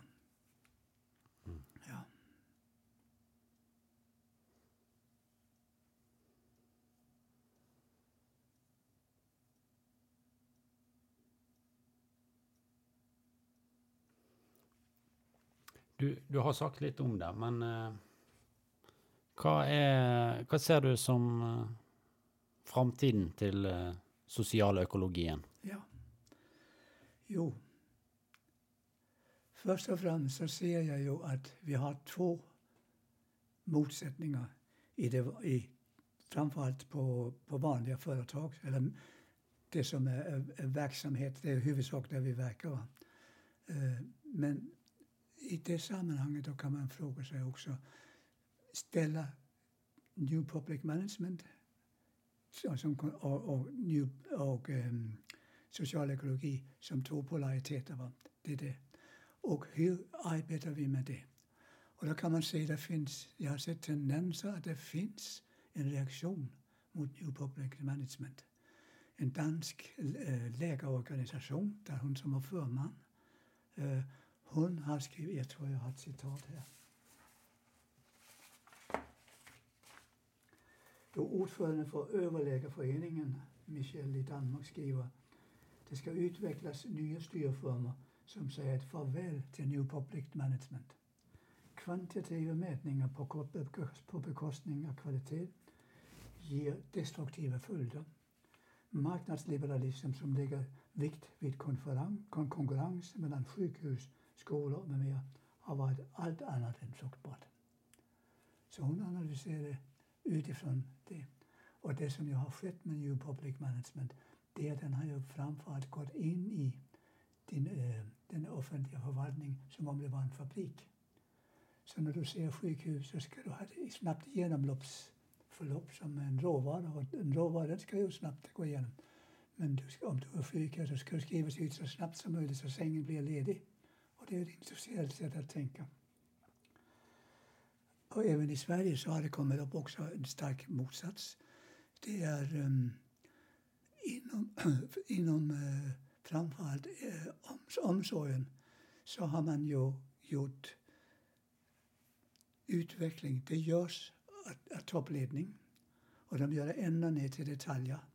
Och så när man har gjort det så överlämnar man till de som är i den praktiska verkligheten, alltså den, den verklighet som är i, som, som vi kallar, vad vi kallar mm, eh, kärnverksamheten. Va? Alltså de som verkligen står där med de gamla eller så vidare.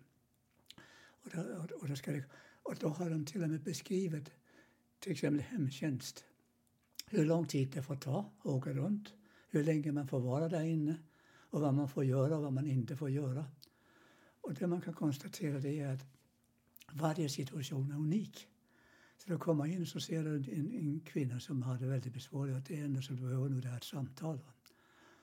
Och jag, jag har ju... Eh, för, alltså, och, och, och, och, och kärnverksamheten, det är den som hela tiden ska göra saker och ting. Och det är där man gör besparingar. Det är där man gör rationalisering och så vidare. Däremot är de som planerar, de får eh, ökade resurser för att de ska bli ännu bättre. Så det är ett motsatsförhållande. Och det motsatsförhållandet, det heter New Public Management.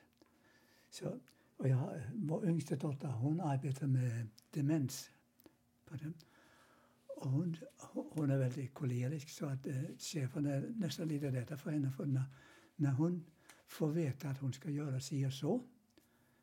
Om jag kommer in och ser att det sitter en där borta som jag vet att om inte går till henne så ramlar hon. Då går jag inte och diskar. Då går jag hem till henne. Och så ger hon det ena exemplet efter det andra. Alltså, du kan inte veta i förväg.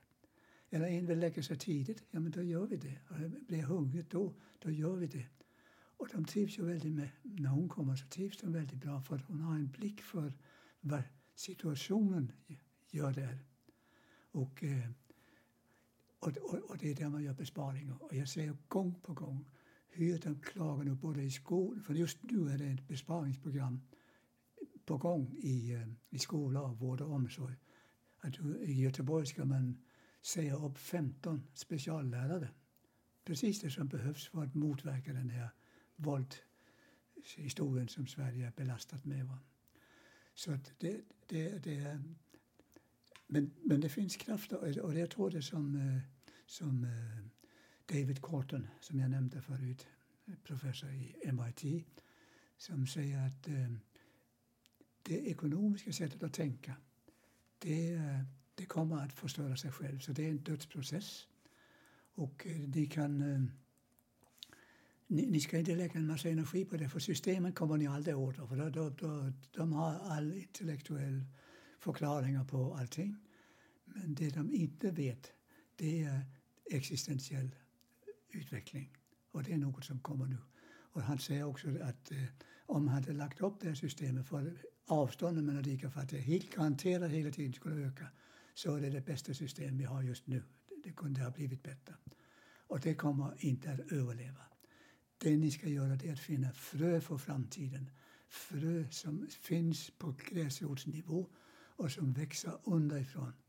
Och finna ett sätt att bemöta det som kommer utifrån.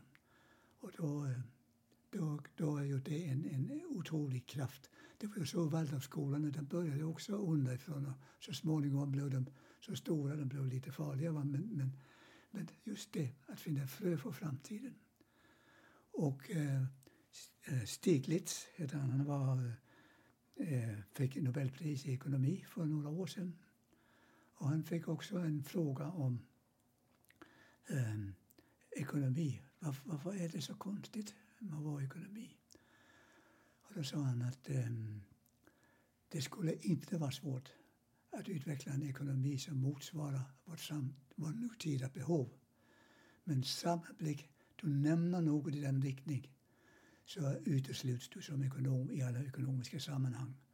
För det finns ingen mer eh, dogmatisk läggning, inte ens i något, något religiöst parti, som i den liberala ekonomin.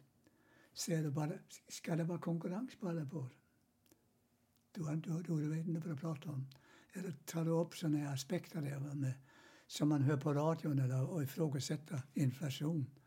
Vad innebär det att vi använder alla pengarna till en krigssituation och samtidigt säger nu måste vi spara på det här för att kunna göra det. Du sparar för att, att slänga bort pengar och då kommer inflationen. Och det, är inget, och det förvånar mig att ingen ekonom har tagit upp den aspekten. Jag har skrivit en artikel om det men, men på något sätt så är det som eh, det, det, det, det tror man inte på. För, då, för då är du inte ekonom längre om du börjar gå in. För då ifrågasätter du alla, alla de sakerna som man behärskar och kan så mycket om.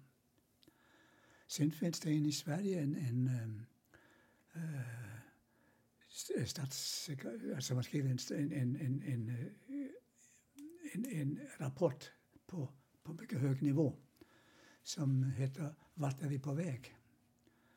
Och han har tagit upp det att det finns olika civilisationer i olika tider. Och vi, har en tid, vi hade en tid då kyrkan bestämde allting. Och då går den upp och sen börjar något nytt att komma in i bilden som man kallar en frö från framtiden. Och det kommer alltid framifrån. Och när den börjar att ta över så, så försvinner så, så, så, så blir det en, en annan. Och det var ju den naturvetenskapen och den kom ju upp på en topp och så försvann ju liksom kyrkans enorma inflytande över samhällsutvecklingen. Nu är det, nu är det framförallt näringslivet, eller det är, det är det sättet att tänka, den ekonomiska tankegången. Och han säger att den är på väg nu, för nu kommer alla frågor som människor ställer sig som har att göra med, eh, som har att göra med existentiella frågor. Vad, vad, vad, är meningen med tillvaron? Varför gör vi så och varför gör vi så? Och nu är den på väg upp som ett nytt frö som kommer i nu framåt. Och den kan inte marknadsekonomin eller något göra någonting åt för de vet inte vad det är. Så då säger han att och det var 250 år så är det en sån här våg om man hela tiden kommer något från framtiden som då är riktigt.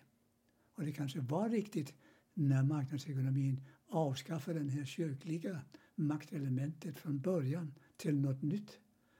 Och samma sätt kommer det att bli också. Det var de som sa det jag tänker nyliberalt. Det, det håller inte i framtiden för det är inte det människor frågar efter idag utan då frågar man efter vad är meningen med tillvaron? Hur ska vi arbeta? Vad är riktigt arbetare eller så? Och det var ju det som Livegård också sa att eh, ni måste intressera er för pengar, arbete och um, ja, det, som, som det viktiga i, i, i tillvaron. Annars spelar det er tid. Så det finns tendenser, om du ser alla de här frivilliga organisationerna, Läkare utan gränser och, och alla dessa här, de arbetar, ju, de arbetar ju inte för att tjäna pengar. Ser man ju ofta läkare som har en hög lön. Jag ska ut och göra någonting med mitt yrke. Men det hör man inte så mycket om. Man skriver inte så mycket om detta. Jag till och med läste idag i tidningen om en, eh, en eh, mamma som hade som eh, vars dotter hade dödats av en Hamas när han kom in. Och hon har hela tiden arbetat för fred. Jag fortsätter att arbeta för fred.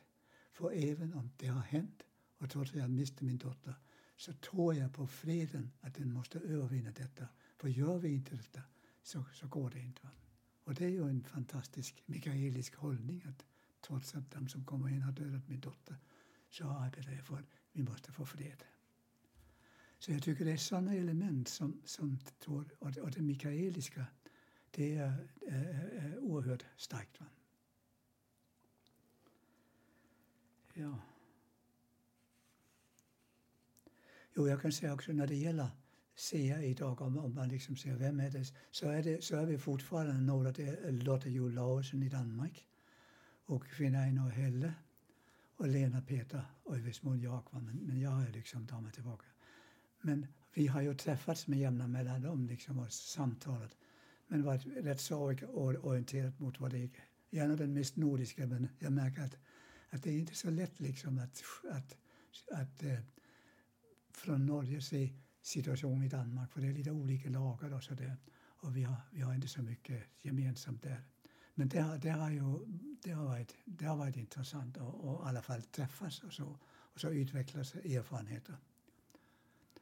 Och jag, det var tider som märkte jag att om man ska säga något karaktäristiskt om den norska, den svenska och danska hållningen så var det det var en avslutning på en lärarkonferens. Så var ju eh, øh, Arne Klingborg tackade för detta fantastiska och så beskrev han ju hela detta och vi får komma till Järna och därför vi håller på med sånt och vi gör det och det och då är ni så hjärtligt välkomna när ni kommer nästa år. Då ska vi verkligen ta upp de här aspekterna. Sen kommer Oskar Borgman Hansen. Då har vi pratat om detta och vi har pratat om detta. Han var en sån där medvetenhetsfältsmänniska. Och nu får vi prata om detta. Och det som blir viktigt, nu åker vi hem och så bearbetar vi det vi har fått här. Så kom norrmannen upp som stod för hela Nu är det slut, ta stolen och väg när ni går. så det var, ja. Ska jag säga lite grann om, om vad vi har gjort i, i den här konstellationen som vi fortfarande har? Och det är, det att vi har ju arbetat, framförallt Lena och Peter arbetar väldigt mycket med det kollegiala utvecklingsarbetet inom förskolan. Så de har liksom haft en, en relation till förskolor, för de, de träffas med jämna mellan i, eh, mellanrum i eh, Järna. Och då har de ofta varit med och haft ett en inpass. Och jag var med tidigare också och eh, bidrog med samarbetsfrågor och liknande. Så det var det, det, det, var det kollegiala som, som då kom upp där. Sen eh, upptäckte vi vid ett tillfälle då vi hade ett seminarium också med en liten grupp att eh, vi gör planer och strategi för hur vi vill arbeta nästa år utifrån den situation som vi ser i vardagen och som vi behöver göra här. Och sen när vi har det klart så kommer det alltid en budget uppifrån som någon har suttit och utarbetat som överhuvudtaget inte har med det här att göra. Och så vi ska bara följa budgeten. och, eh, och, den, och, den, och det är ju den som man kommer att följa upp med om de följer den. Så de måste liksom, så, så då, är det, då, då är det bara om det vi har tur att vi kan göra det här. Så sa vi, ska vi ta och fundera lite grann på vad ekonomi går ut på? För de sa ju allihop, vi begriper ju inte ekonomi, vi kan ju inte lägga oss i och säga någonting om det. Så varför inte det? För ni vet att budgeten, det är en engångsföreteelse. Då gör man en budget och man gör en och, och, och, så, så gäller den, va? ungefär som en organisation. Och budgeten den får allting bara uppmärksamhet, för det är det det rör sig om. Om det kommer fler eller färre äh, människor äh, som elever och så vidare, det spelar ingen roll. Budgeten är så här. Va?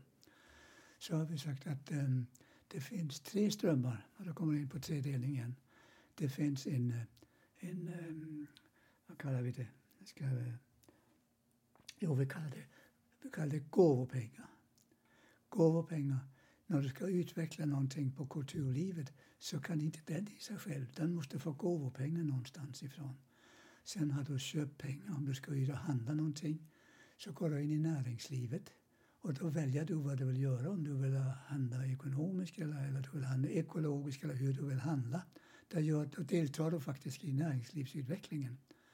Och sen har du det sista, det är, ehm, det är eh, kontraktpengar var och en av oss eh, verksamhet har ju ett kontrakt. Vi har, om man tar det, jag tog det först privat. Va? Vi har alla, alla har vi ju eh, avtal som vi måste betala. Vi måste betala el, vi måste betala hyra, vi måste betala det. Och det är kontraktpengar. De är som de är. Och sen har vi köppengar och sen har vi gåvopengar.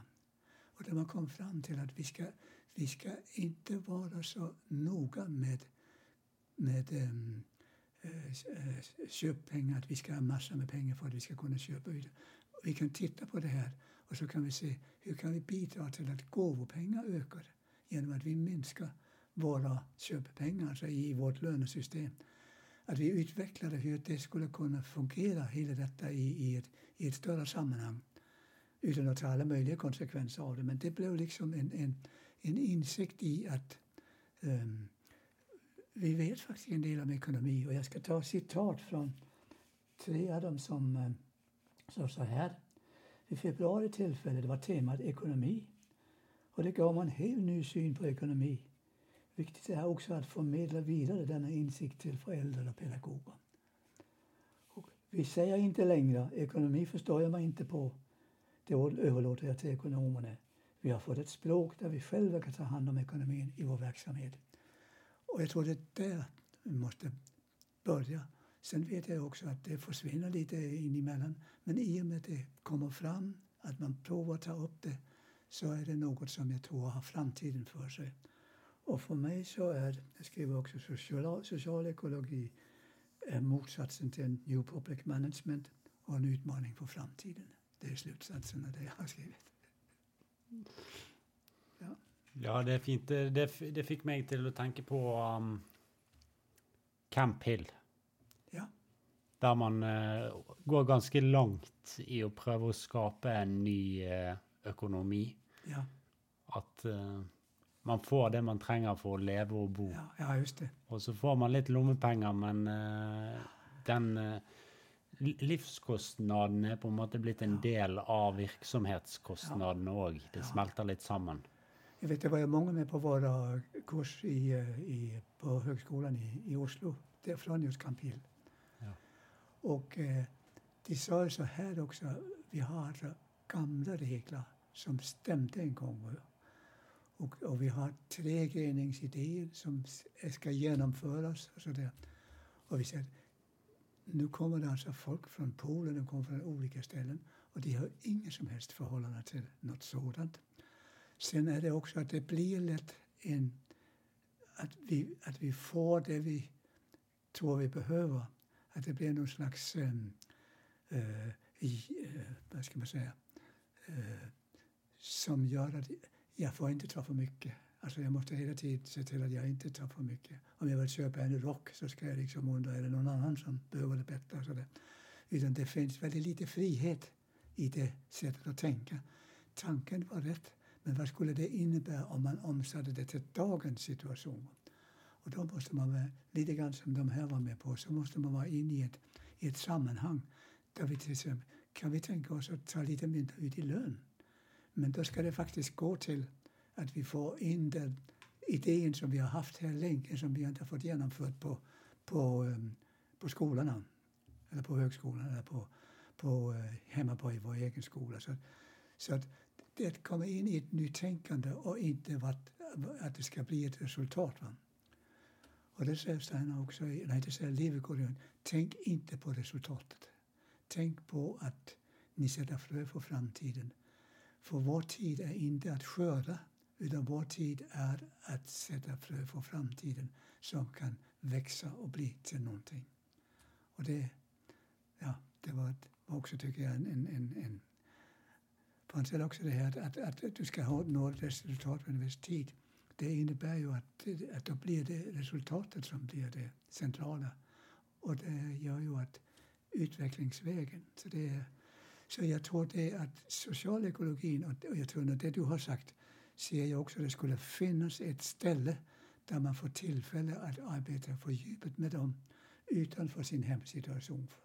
Och så är det någonting här som vi kan ta med oss hem och som vi kunde göra någonting med. Så det, det, det, det tror jag skulle vara. Jag har nämnt det både för Lena och Peter. Att det, och de har faktiskt på en verksamhet en um, socialekologisk kurs där folk utifrån och då har man koncentrerat sig på samtal, för det är det som de är väldigt bra också på. Så det här med samt, hur för vi samtal som leder någonstans? Konsten att samtala har blivit ett, ett rubrik där. Va? Och det skulle jag aldrig kunna gå ut med för jag har inte den erfarenheten av svåra samtalssituationer. Utan jag kan säga något allmänt om det men, men inte så. Och det är där jag menar att socialekologin gör det du har förhållande till och som du har erfarenhet av och som du vet vad det rör sig om. Mm. Då var det slut. ja, vi ska kanske ge oss med det. Ja, men det, ja, hur lång tid tog det? Eh, nu har vi hållit på i två och en halv timme. Oj. ja, tusen tack då. Ja, det var spännande.